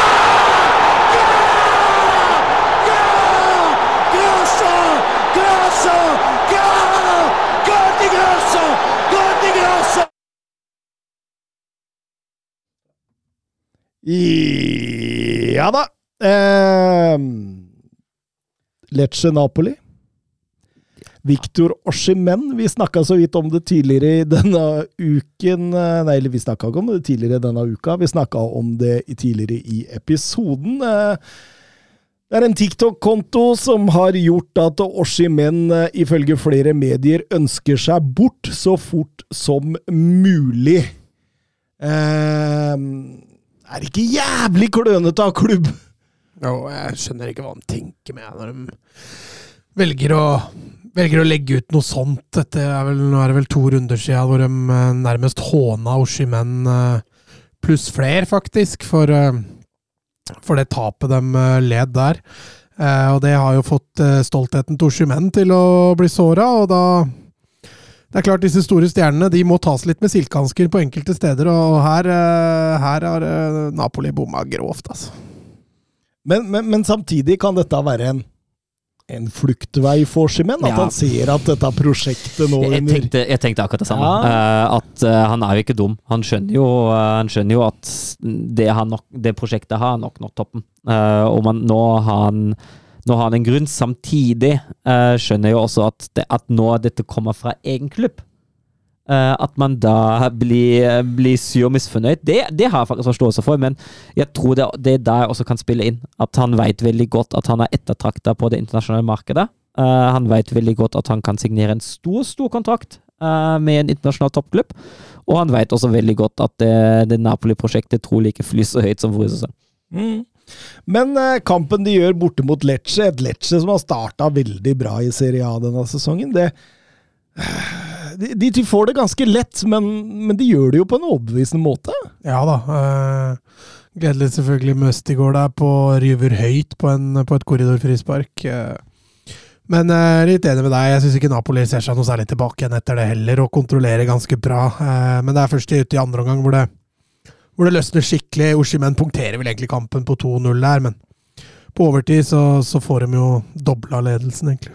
Mm, mm. Eh, men ja, ok. Utgangspunktet er en ganske toppkamp, dette her, for Lecce har gjort det bra og rota seg litt opp på øvre halvdel der. Napoli, eh, Scudetto-vinneren fra forrige sesong, men, men, men, men kvaliteten på det som ble gjort i denne kampen, her er ikke noe voldsomt imponerende. Du ser fortsatt, selv om ok, det var tidvis bra mot Odinese, men Odinese er ikke noe målestokk. altså eh, er er det, hvor er dette Napoli-laget på vei? Det er det jeg lurer litt på. fordi du, du får litt sånn forskjellige svar fra runde til runde nå. Men er det det man kan forvente når man har vært helt der oppe, og så kommer en ny trener som Ja, altså Man så jo litt starten på et fall på slutten av fjorårssesongen, men der, der konkluderte vi vel kanskje med at det gikk litt mer på slitasje i forhold til en spillergruppe som har spilt veldig mye. Eh, nå er det en ny trener. Eh, han har prøvd å adoptere ganske mye av det som var der fra, eh, fra før. Eh, og så er det spennende å se hvor mette spillere egentlig er. Eh, at, fordi at dette kommer til å variere utover sesongen. Jeg syns vi ser masse indikasjoner på at akkurat det kommer til å skje. Det ene er det utenom, utenomsportslige, som, som da dette med Oshimen. Det ene er Kvarasjkela, som ikke har vært på sitt samme nivå. Selvfølgelig har vært litt skada, så han skal ta det i betraktning. men men uh, har ikke sett like, like skarp ut. Og så har du disse nysigneringene, som Kanskje drøyt å kalle det det, men, men, men Nathan, som, som, har vært veldig ute i kulda. Fikk vel spille nå, men uh, har ikke vært veldig mye spilletid på han. Og Lindstrøm også fikk vel sin første start nå. Så de har ikke fått i gang dem heller, så jeg tror dette kommer til å variere enda mer. Og så, og så blir det en kamp for å klare topp fire. Mm. Ja. Eh Milan-Lazio 2-0, eh, Søren eh, var jo en jevnspilt match på mange måter. Ja, en jevnspilt match, og ikke, ikke, så voldsomt mange målsjanser heller. Uh, det Jeg syns det er lett å få deler til, til, Milan egentlig sånn hele veien. Det er sånn de som, som driver og prøver å vippe det litt sånn i sitt favør. Uh, du har jo noen uh, du har, du har, jo noen, noen, flere angrep og noen flere tilløp til sjanser uh, på Milans side enn Lazio sin. Men, og, sånn sett greit at de vinner den. Uh, så er jo 1-0-mål en herlig kombinasjon. Det er jo kampens klart fineste angrep. ja, det er strålende satt av Pulisic til slutt der også. Reinders som legger ned på Leao der, vel. og, og, og det er vel på en måte det som går igjen, syns jeg, dette Milan-laget. Spesielt når man møter lag som, som ligger litt uh, kontrollert bakover. Det er jo at Leao må finne på noe, noe ekstraordinært. Uh, og det ser vi i denne kampen nå. Ja, Leao er jo er en fantastisk spiller. Han, han er liksom litt den pakka. da. Han har fysikken, han har farta, han har ferdigheten. Han har Kanskje mangler litt på kreativiteten, men når Milan sliter, så, så, er det han de ser til. Da. Uh, og I Serie A så kommer han jo til å klare det oftere. Uh, så det spennende å se hvor, hvordan det blir i Champions League. Så skal du nevne, jeg har nevnt det før og sagt det før, men Lazio har jo fått en eh, litt tung start på årets sesong. Og det ser eh, fortsatt ikke helt bra ut resultatmessig. Okafor gjør 2-0 rett før slutt, og det er litt morsomt å se den løpsduellen mellom Leao og Casale rett i forkant der. og Legger han 45 ut, og, Okafor kan jo enkelt sette 2-0 der. Eh.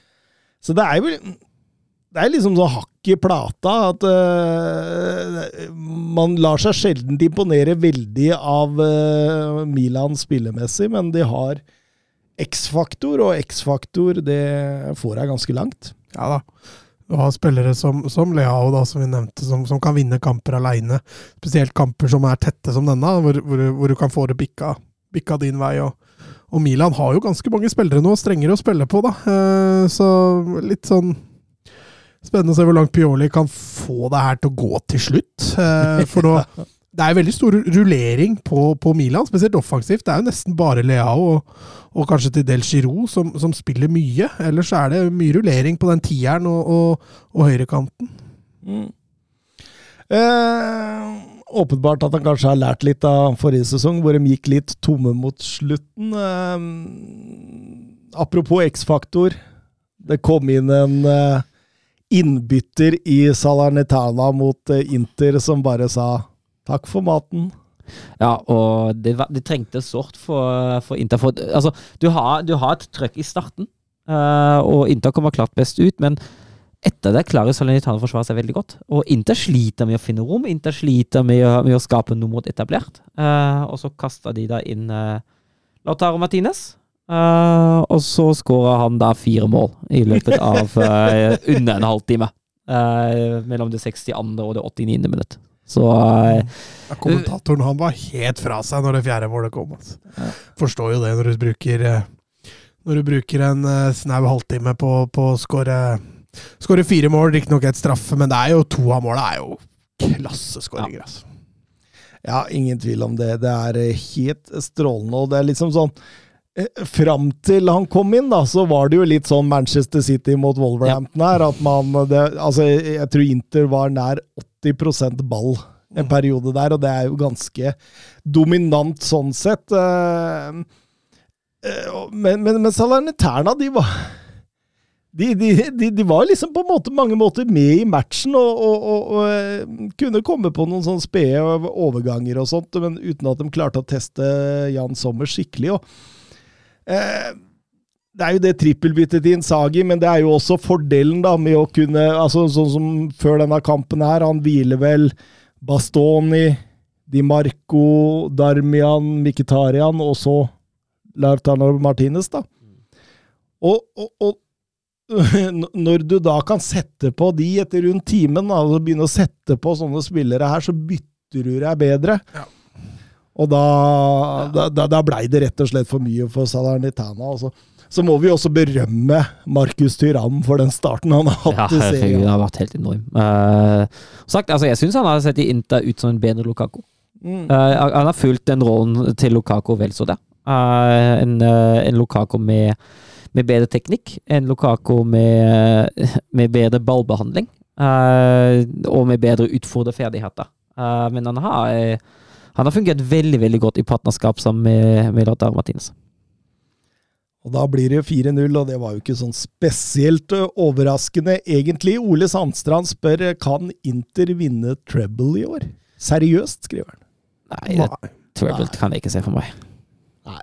Nei, Champions League Nei, det er den, det. det er ikke det. Det er, det er for mange lag som er, er bedre. Men uh, Scudettoen i år er jo vidåpen, uh, så selvfølgelig kan de ta den. Og, da, og hvis Gudettoen er vidåpen, så er jo i hvert fall Coppa Italia vidåpen. Så selvfølgelig, men treble tror jeg aldri tror jeg 90, 90% sikker på at de ikke tar. Vi har dem vel på tipset vårt som serievinnere Mm. denne sesongen, og det Jeg syns ikke det virker så dumt. eh, Sju runder ut i sesongen. Atalanta, Juventus 0-0. Ja, det, det var litt sånn oppskriften på den kampen òg. jeg føler at det var en litt sånn 0-0-kamp, da. Eh, det er Juventus defensivt trygt, offensivt ja, litt sånn tilbake til det gamle Juventus vi kjenner, da. Syns jeg.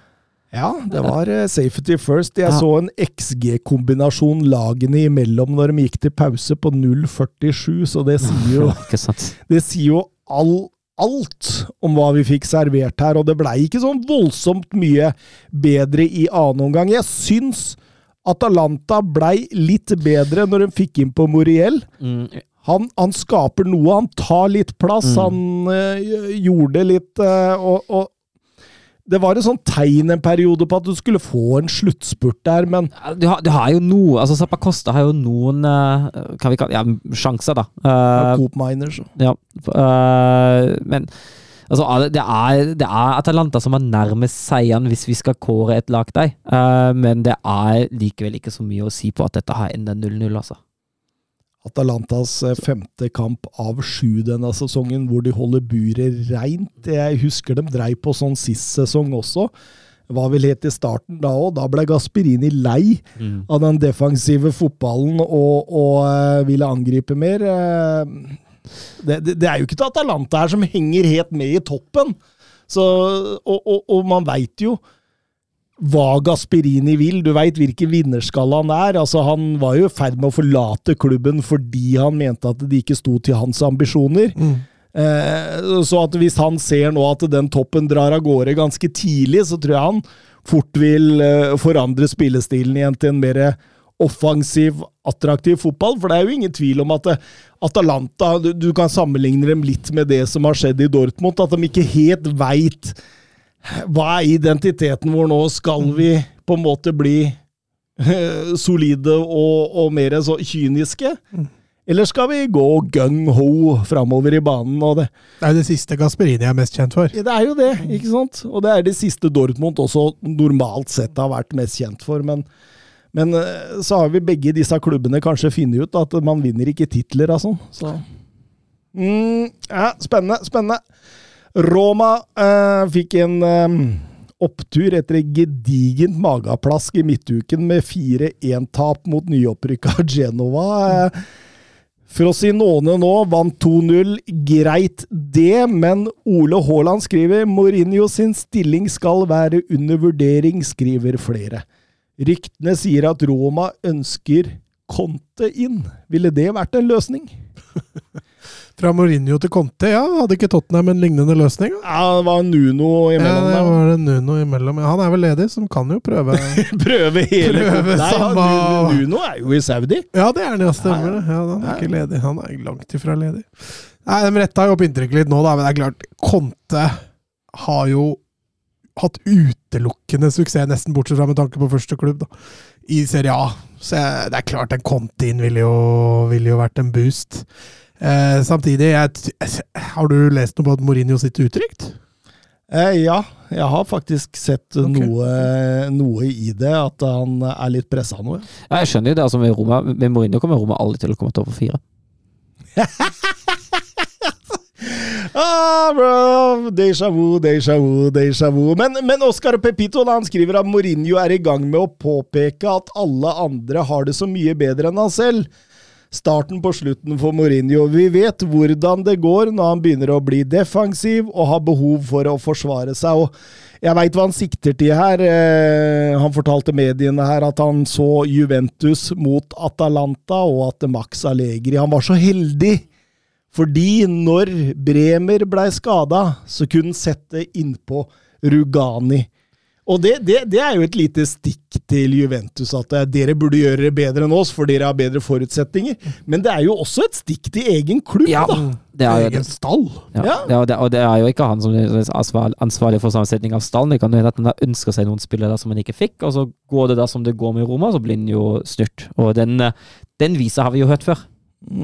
ja. Ja da, og når han blir pressa, så går jo skudda i alle retninger. Eh, det er både mot egen kaster jo både laget og spillere under bussen, han. Det er ikke noe Det har ikke vært han for, eh, for ukjent før det, eh, og er ofte starten på slutten. Men, men jeg tenker Jeg måtte inn og se på Transfermarkt bare for å, for å sammenligne her. og Nå, nå henta det mange på free transfer. Eh, spennende spillere på free transfer også. Men man har brukt 9 millioner euro, og man har solgt for 74 millioner euro. Riktignok med god hjelp fra, fra Saudi-Arabia, men det er jo frustrerende for en trener, det. Ja da. eh, samtidig er ikke Roma i en økonomisk posisjon hvor de kan hente stort uansett. Men eh, jeg skjønner jo, skjønner jo selvfølgelig det at det er frustrerende, for da er det ikke sikkert du har følt at du har klart å erstatte det du har solgt, eh, på, en, på en bra nok måte. Og så er det nok litt sånn frustrasjon også over eget lag, over at de De burde jo vært høyere. I hvert fall med det laget de har nå.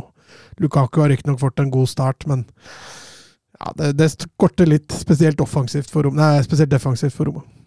For dette laget står jo bra til Conti, gjør det ikke det?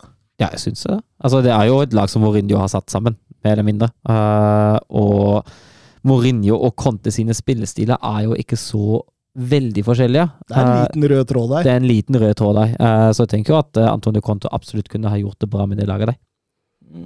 Nei, det blir spennende. Jeg, jeg, jeg trodde nesten at når det Saudi-Arabia-tilbudet til eh, Mourinho kom, at eh, Roma skulle fly han til Saudi sjøl i, i sommer. eh, Fordi det, det er jo sånn Trolig så kasta han bort en Champions League-plass eh, sist sesong fordi han ikke ville prioritere Serie A mot slutten der. og Det har vært mye rundt dommere, andre trenere, disiplin, eh, disiplinærproblemer og eh, Fotballen han står for, mildt sagt av det mer forsiktige slaget, mm. det litt mer så, så, så, så det er mye som på en måte tegner til at det, kan gå mot slutten, da, og særlig nå, nå når han begynner å fyre litt sånn indirekte mot egen klubb, og, og eh, nærmest se på andre eh, lags trenere som dere er så mye heldigere enn meg, så, så, så er det sånn hakk i plata fra hva man husker fra når det gikk dårlig i Tottenham, når det gikk dårlig i Chelsea, når det gikk dårlig i Manchester United.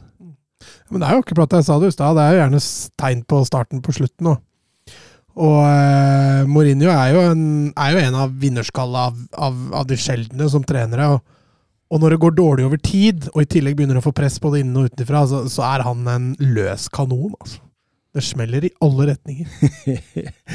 Fiorentina vant 3-0 over Cagliari. Fiorentina har skåret 83 mål i 2023. Det er kun Real Madrid og Manchester City i topp fem-ligaene som har skåret mer i dette kalenderåret. Og vi må jo hylle Vicenzo Italiano, eh, den lille Di Serbi-kopien. Og, og, og August Landstad spør er det ikke merkelig at andre klubber ikke har henta Italiano. Ja, da tenker jeg særlig på, på de som toppa serien i forrige sesong.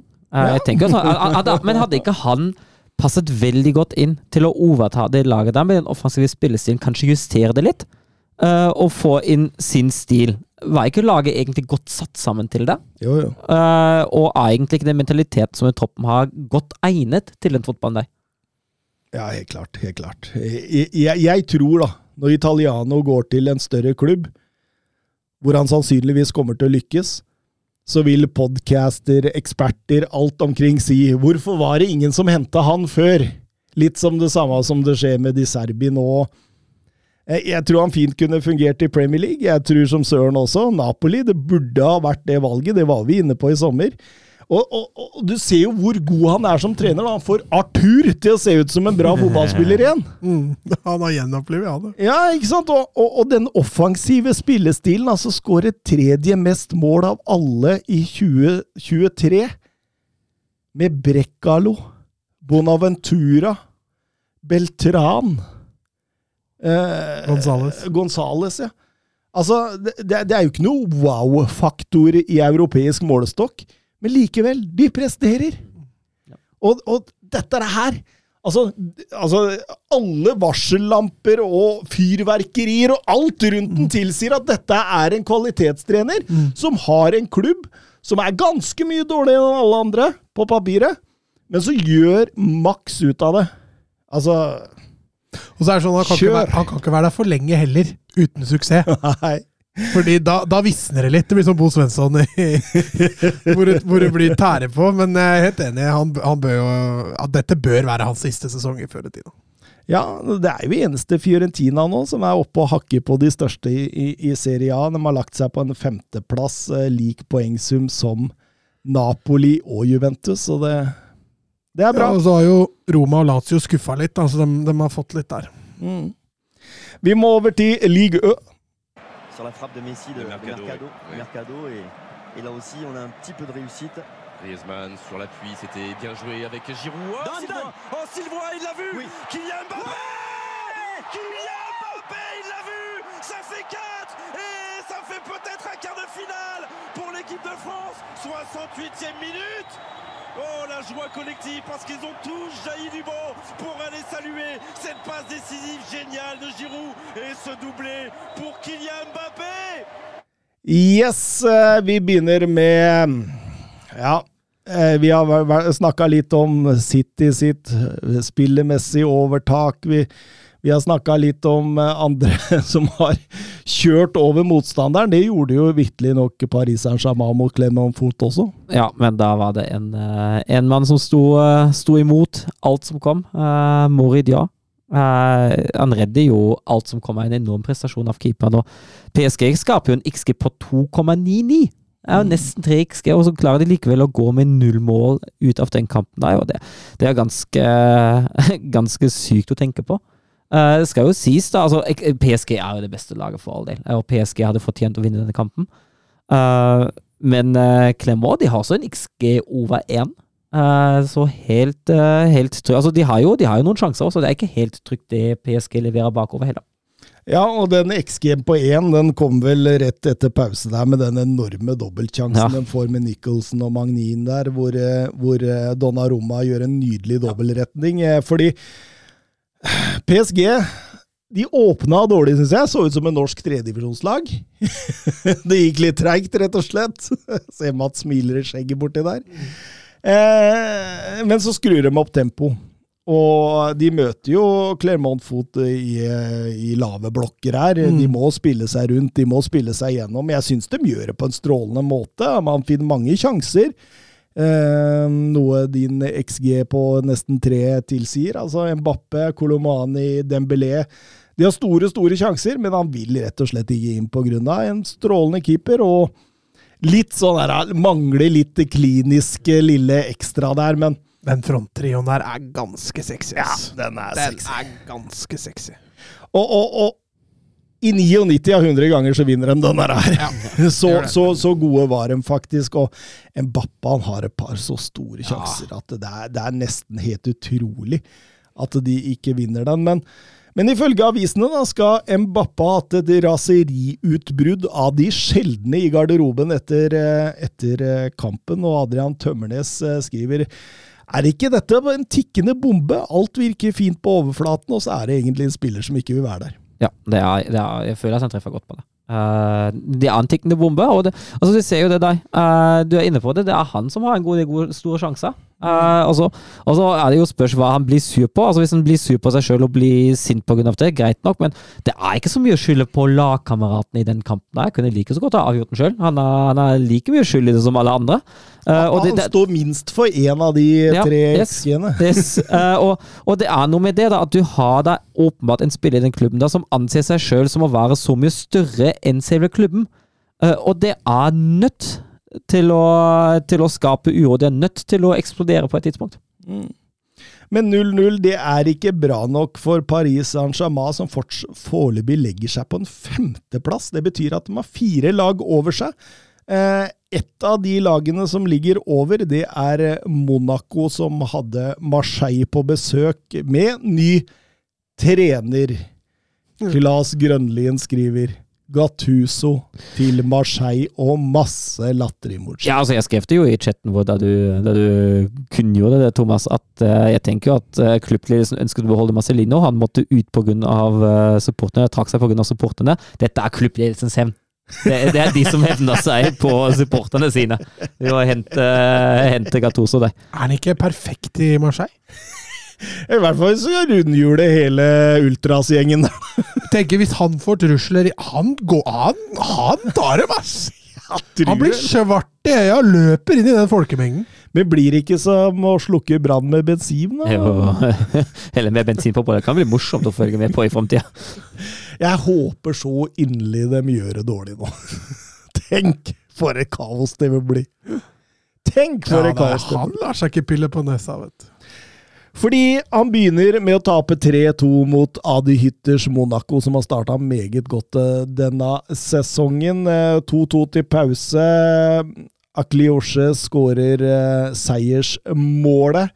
Eh, litt eh, Eller tidlig ut i annen omgang, er det vel. En fantastisk kamp av han. eh, To mål og én assist. Eh, er det Monaco som skal true mest her, eller? Ja, det kan jo tenkes også. Adi Hutta ser jo virkelig ut til å ha, til å ha funnet ut litt av ting igjen etter, etter et svakere opphold uh, i, uh, i Mönchenglattberg. Det ser jo ut til å være litt sånn tilbake på det nivået vi, vi kjenner egentlig Adi Hutta-fotballen fra. da. Uh, og hvis Adi Hutta-fotballen sitter, så kan det gå ganske langt. Eh, Lyon fortsetter sin eh, særdeles svake sesongåpning med å tape 2-0 mot Will Still og Rem. Eh, det var jo ikke noe annet enn å forvente, det. Men så får vi 90 minutters eh, favorittkamp nummer én i, i, i, league. eh, nice breast. Eh, eller som Anders Hansen skriver her, så dere noe til NIS mot Brest i helgen? I hørte ingen slapp inn bak. Ja, Da, da blir Mats lei seg, da. Og ingen slipper inn bak. Ja, jeg- så det er ikke noe toan der. Neida. Søren med grovis. er det du må ta opp spillet ditt på Nei, grå groviser, altså! Nei da, Niss Brest er fin, den. Liten eh, nedtur ble riktignok kampen. Det ble 0-0. Eh, NIS klart best, skaper de største sjansene, men, eh, men Brest klarer å holde unna. Har en XG på 0,16, så der var det ikke sånn voldsomt mye de kom med. Men vi fikk et spørsmål fra på Instagram, faktisk. Ja, det er jo hyggelig. Alexander, var det det? Mm. Stemmer. Hyggelig, hyggelig. Eh, han lurer på hva vi tenker om Brest. Eh, er de en toppklubb, eller er det snakk om ti før de kommer midt på tabellen igjen? Og da skal det si at Brest de, eh, ligger som nummer to etter eh, de tapte poeng i, i helga. Ja, altså det, det, jeg syns det er litt spennende med Ligue Ø, for du har alltid et sånn lag, en, en sånn klubb som plutselig dukker opp der oppe, og som henger litt med, ikke sant. Eh, og så er det jo dessverre sånn at de fleste faller jo litt tilbake i løpet av sesong. Lås, Du er mer avhengig av topplaga skuffer. Ja, det, det òg, men Lås i fjor var jo kanskje det positive unntaket, da. Eh, Jeg husker jo at Loriot hang jo med eh, for noen sesonger siden, var litt der oppe. Du har noen av de der. Hvis jeg ser på den, den stallen Brest har, så det er jo ingenting som tyder på at dette her skal vedvare. Det er ingenting der. og Altså, jeg, jeg tror det er et lite blaff. Det har vært hyggelig om jeg tok feil. Det har vært hyggelig om man får en sånn outsider med i toppen der. Jeg, jeg liker det. Jeg syns det, det er kult. Jeg syns det er kult med litt eksotiske innslag i, eh, i toppsjiktet. Uh, men jeg, jeg tror ikke dette har, har vedvarende. Brest var jo en av de klubbene som eh, skiftet manager i panikk ettersom hele fire lag rykka ned forrige sesong. Da lå de vel på, på nedrykk med der Zakarian. Eh, Erik Roy tok over klubben da. Eh, klarte å berge dem og, og starta denne sesongen eh, meget bra. Eh, de, de er jo en klubb som på en måte baserer seg litt på å være hardtarbeidende, godt organisert, vanskelig å bryte ned, den type, type fotball. Så, så de kommer overhodet ikke til å ta pusten av deg når du ser dem live. Eh, litt forsiktig i tilnærmingen, men, men jeg, ja, så, så, som deg, Søren, jeg er vanskelig med å se at dette blir noe topplag. Eh, Kanskje midt på, kanskje litt midt eh, på under. eh, er litt mer realistisk. Men, men det er litt morsomt, da. Gamle Premier League-helter som Steve Monier og Pierre Les Meleux inn, i- i laget der. Det blir spennende å følge med, men det blir, det blir ikke noe Europa på dette her. Da, da skal jeg danse polka gjennom hele feltet her. Ja, men det er kjipt at bare vi ser det. Men vi kan filme det, da. Ja, jeg legger ut på, på sida. Ja. Så må vi nevne også at Acor Adams Ja, han skåra. Han Han er tilbake på, på ja. Fin, fin skåring òg. Fem mål på sju kamper for Acor Adams nå i 3-0-seieren eh, for Montepiller borte mot Loria. Det, Ja, det, det er ikke så dumt. Det er litt morsomt da Will Still ligger på tredjeplass med sitt Stadrem nå. Ja da, han hadde jo vært litt varierende rem, men eh, de har plukka jevnt og trutt. og vi har vært inne på det, De andre topplagene avgir jo poeng jevnt og trutt, dem òg. Så, så akkurat nå så er det jo veldig jevnt. altså Ned til, ned til tiendeplassen er det jo bare fem poeng. så... Ja, jeg, så jeg har jo litt større tro på at med tanke på hvordan Will Still har levert før, at Rem kanskje kan blande seg inn, ikke nødvendigvis i toppsjiktet, men kanskje kan blande seg litt inn i krigen om Europa med sånn topp seks og sånt. da. Det har jeg Ja. litt mer tro på enn Brest. Ja, helt klart. helt klart. Eh, virker som de er litt lenger framme. Og du og må huske på hva de har mista denne sesongen Ja, ja, nå. så det er, det er, det Will Steele-eventyret bare fortsetter. Ja, enormt, enormt hvordan han leverer i den klubben der, altså. Ja, det er helt fantastisk. Vi går over til europahjørnet. Bra jobba, gutta! Bra ball! Nei! Ah, grei offside. Tor Håkon, den er grei. Tor Håkon!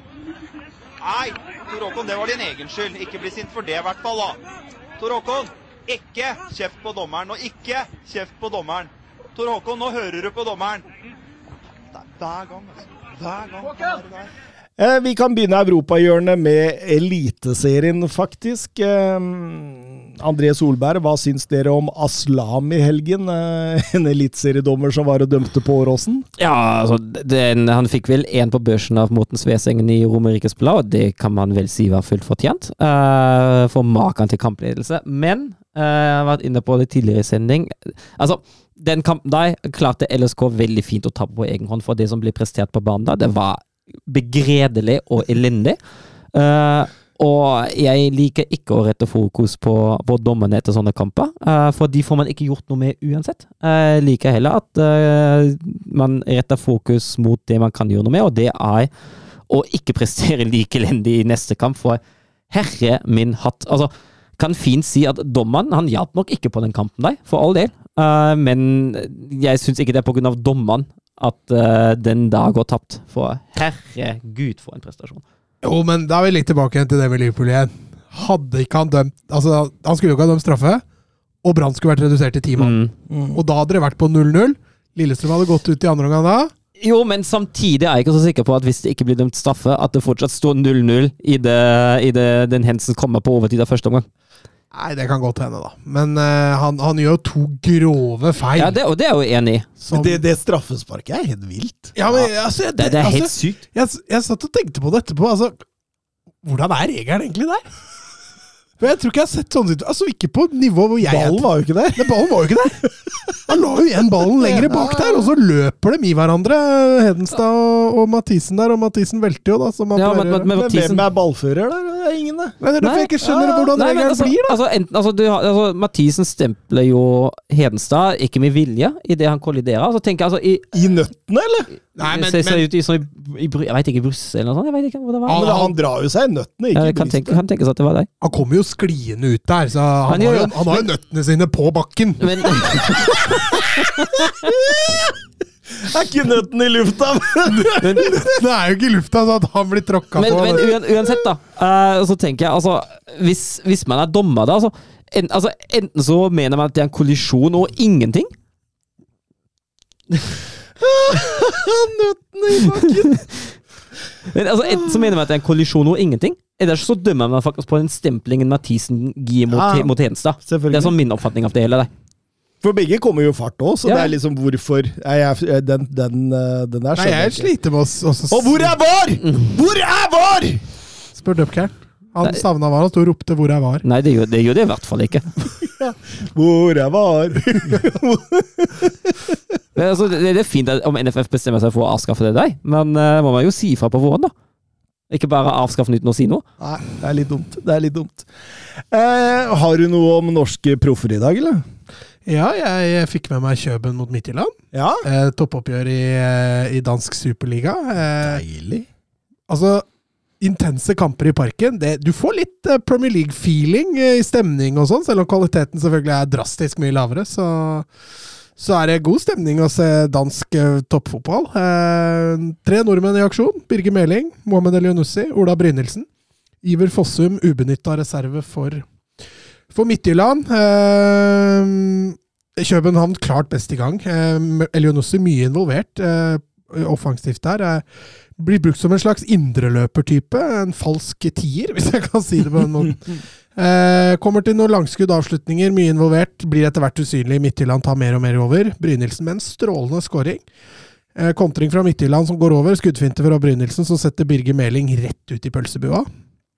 Og setter 1-0 der. Og utover i matchen så vinner vel egentlig Midtjylland fortjent eh, 2-0. Eh, Sørensen eh, skårer 2-0 der. og og Brynildsen med en god kamp. Elionussi syns jeg var positiv i første gang. Eh, Meling litt for anonym offensivt og har en graverende feil defensivt. Så Så. er ikke god nok av Meling.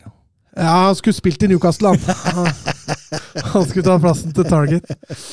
Så nei, litt skuffende av Meling. Selvfølgelig litt kjipt at Fossum ikke, ikke kommer inn, men eh, Men eh, artig å følge Superligaen også. Gøy, gøy. Du har, du har det litt sånn deilig nå i europahjørnet. hvor Jeg kan, kan seile litt rundt, og Ja. det, men det som er fint der, og som jeg setter pris på, er at jeg kan gå inn på kamper og se hvem har spilt, og hvor bra de har spilt. Ja. Så kan jeg gå etter det. Ja, ja, ja. Ja, Så, så jeg bør ikke bestemme meg for en kamp på forhånd. konstant medgangssupporter. Yes, helt riktig! Og da kan jeg heie ah, Brynildsen har scoret for mitt da, da skal jeg se den matchen. Deilig. Så tar vi det. Deilig. Eh, ikke like deilig var det i eh, Eres Divisje Søren Døpker, for det var dramatiske scener i Ajax. Ja, det var, det var, det var, det var rett og slett guffent. Eh, har- Ajax leder 3-2 uh, uh, noen minutter før slutten. Uh, 84. minutt er det vel. Uh, Bobby Bergveien og Berghøy skåra borte mot uh, Valveik, og så skjedde en kollisjon eh, mellom eh, Brian Bobby og uh, Etienne Fersen, som er målvakten til uh, Valveik. Og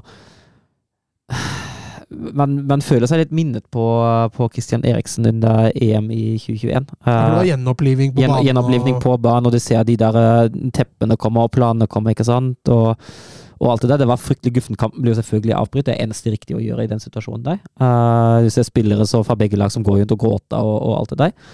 Men han bæres av, og idet han bæres av, så aner vi bevissthet. Mm. Og nå har han også forlatt sykehuset. Eh, så det ser ut til å ha gått bra. Eh, Hvor er det han fikk trøkken? Jeg tror han fikk den i hodet. Hodet. Jeg tror det. Mm. Uh, jeg, har, jeg har bare sett situasjonen én gang. Uh, jeg har ikke sett på noen repriser. Jeg har ikke prøvd å finne noen repriser, for det der er jeg ikke interessert i å se. Er litt som Mats med nacho-taklingen der. Um, Ut ifra det jeg har fått med meg, var det, var det hodet han fikk den. Eh, og det er fryktelig ekkelt. Og det er fryktelig bra at det gikk bra. Eh, først og fremst selvfølgelig for ham sjøl, men jeg, jeg tenker også på Brian Brobby der. Ja. Uh, takker jeg. Altså, det er jo på ingen måte tilsikta. Det er det er situasjoner som vi ser nesten hver dag i fotballkamper, og så er det en kollisjon, og så Ja, det er fryktelig ekkelt. Uh, jeg har ikke hørt noe mer om hva som skjer med kampen. Uh, Hvordan gikk kampen mot Feyenoord til slutt? Uh, den blir spilt igjen, og da var det 4-0-tap til slutt. Ja, Som slapp inn ett mål til. De slapp inn et mål til. Ja, ja, ja. Selvfølgelig. Jeg tipper jo at de resterende minuttene blir, blir spilt igjen, de òg. med mindre Varvek sier at vi dropper det. Um, Men i- det er nok ikke det høyest prioritert etter en sånn situasjon. Det viktigste er at det går veldig bra med Etienne Versen nå. Han har skrevet på social media nå at den første steget han tar nå, er å hvile seg frisk. Uh, men uh, ser ut som sagt til å ha, til å gått bra, heldigvis. Det er veldig, veldig bra. I Liga Portugal så var det storoppgjør. Det var oppgjør mellom Benfica og Porto. Eh, toppkamp som var meget jevn fra start. Det var litt sånn ta og føle på der. Og så får Fabio Cardoso direkte rødt kort etter 19 minutter. Da var ta og føle på over. da var eh, ta og føle på over. Porto legger seg, og Benfica styrer hele showet 11 mot 10. Eh, Det blir en litt sånn annerledes kamp enn det du satt og håpa på, men Porto ligger kompakt og godt og hindrer eh, Benfica lenge. Sliter med å skape veldig mye der. og ja, Otamendi har en i stolpen der litt ut i annen omgang, men så begynner det å røre på seg. Det blir ganske hett rundt øra på Diogo Costa i Porto-målet, som spiller en eh, særdeles god kamp. Men han må til slutt kapitulere når Angel Di Maria banker inn eh, 1-0-skåringen etter å ha fått eh, en 45 ut fra David Neres.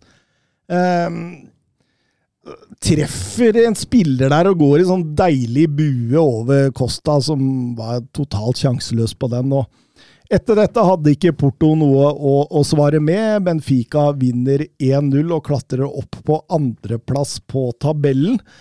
Jeg fikk et spørsmål også fra Benfica Norway. Eh, Er Anatoly Anatoli Trubin en potensiell topp fem-keeper i Europa om noen år? Og det er han, rett og Altså topp fem som en av fem beste keepere, Ja. eller en topp fem liga? Nei, jeg tror han mener som en av to beste topp fem-keepere i, i verden. verden. okay.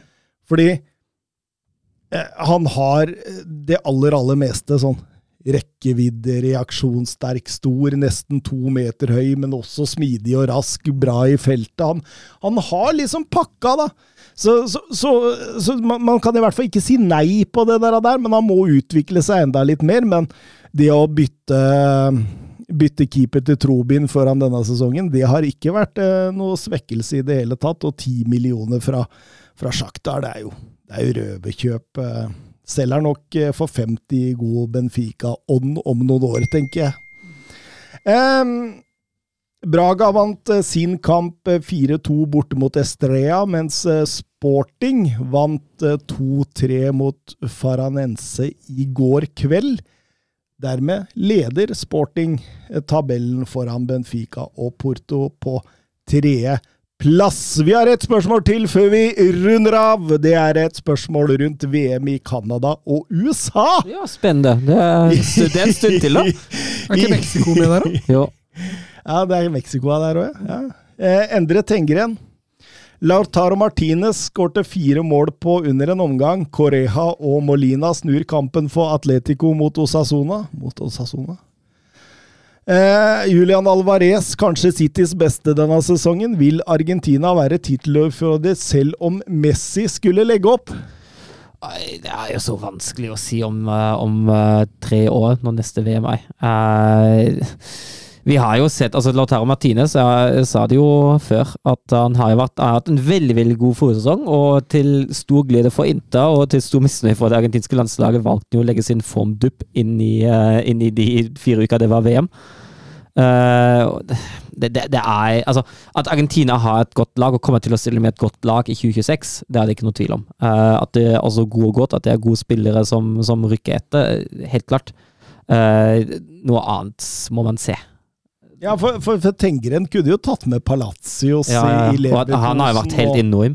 Gonzales i Fyrentina. Vi veit at Lisandro Martinez og, og Romero. Romero. er bare 27-28 når dette VM-et eh, pågår. Enzo Fernandes eh, ser jo ut som the real deal i, i Chelsea, tross eh, noen startsvansker der.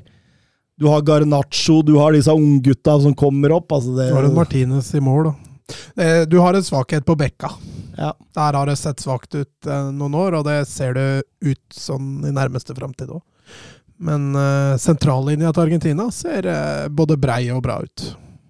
Så fikk jo Alejo Velis inn opp mot Liverpool også, den argentinske talentet på topp. Så det Nei, det blir spennende, det blir spennende, men det er mange lag der. Altså Spania, Brasil, England. Det er mye gode generasjoner nå, så og, og det er som Søren sier, mye forandrer seg på tre år. Skal, skal vi ta kvelden, eller? Ja, kan, kan jo det. Vi er, vi er jo gjennom. Jeg spurte Mats før sending hvor mange Champions League-kamper skal du se, og han sa han flere. Så det, han har Nei, det blir nok bare én. Jeg ser det nå, at det, det er håpløst. Det blir nok Napoli, Real Madrid og resten, tror jeg. Åssen tror du det går? Legge hodet på blokka nå? Altså, Den er litt vanskelig, fordi Napoli har vært litt på stigende kurve, Real Madrid, men jeg, jeg tror Real vinner med ett mål. Det tror jeg også. Ha det bra! Ha det. det-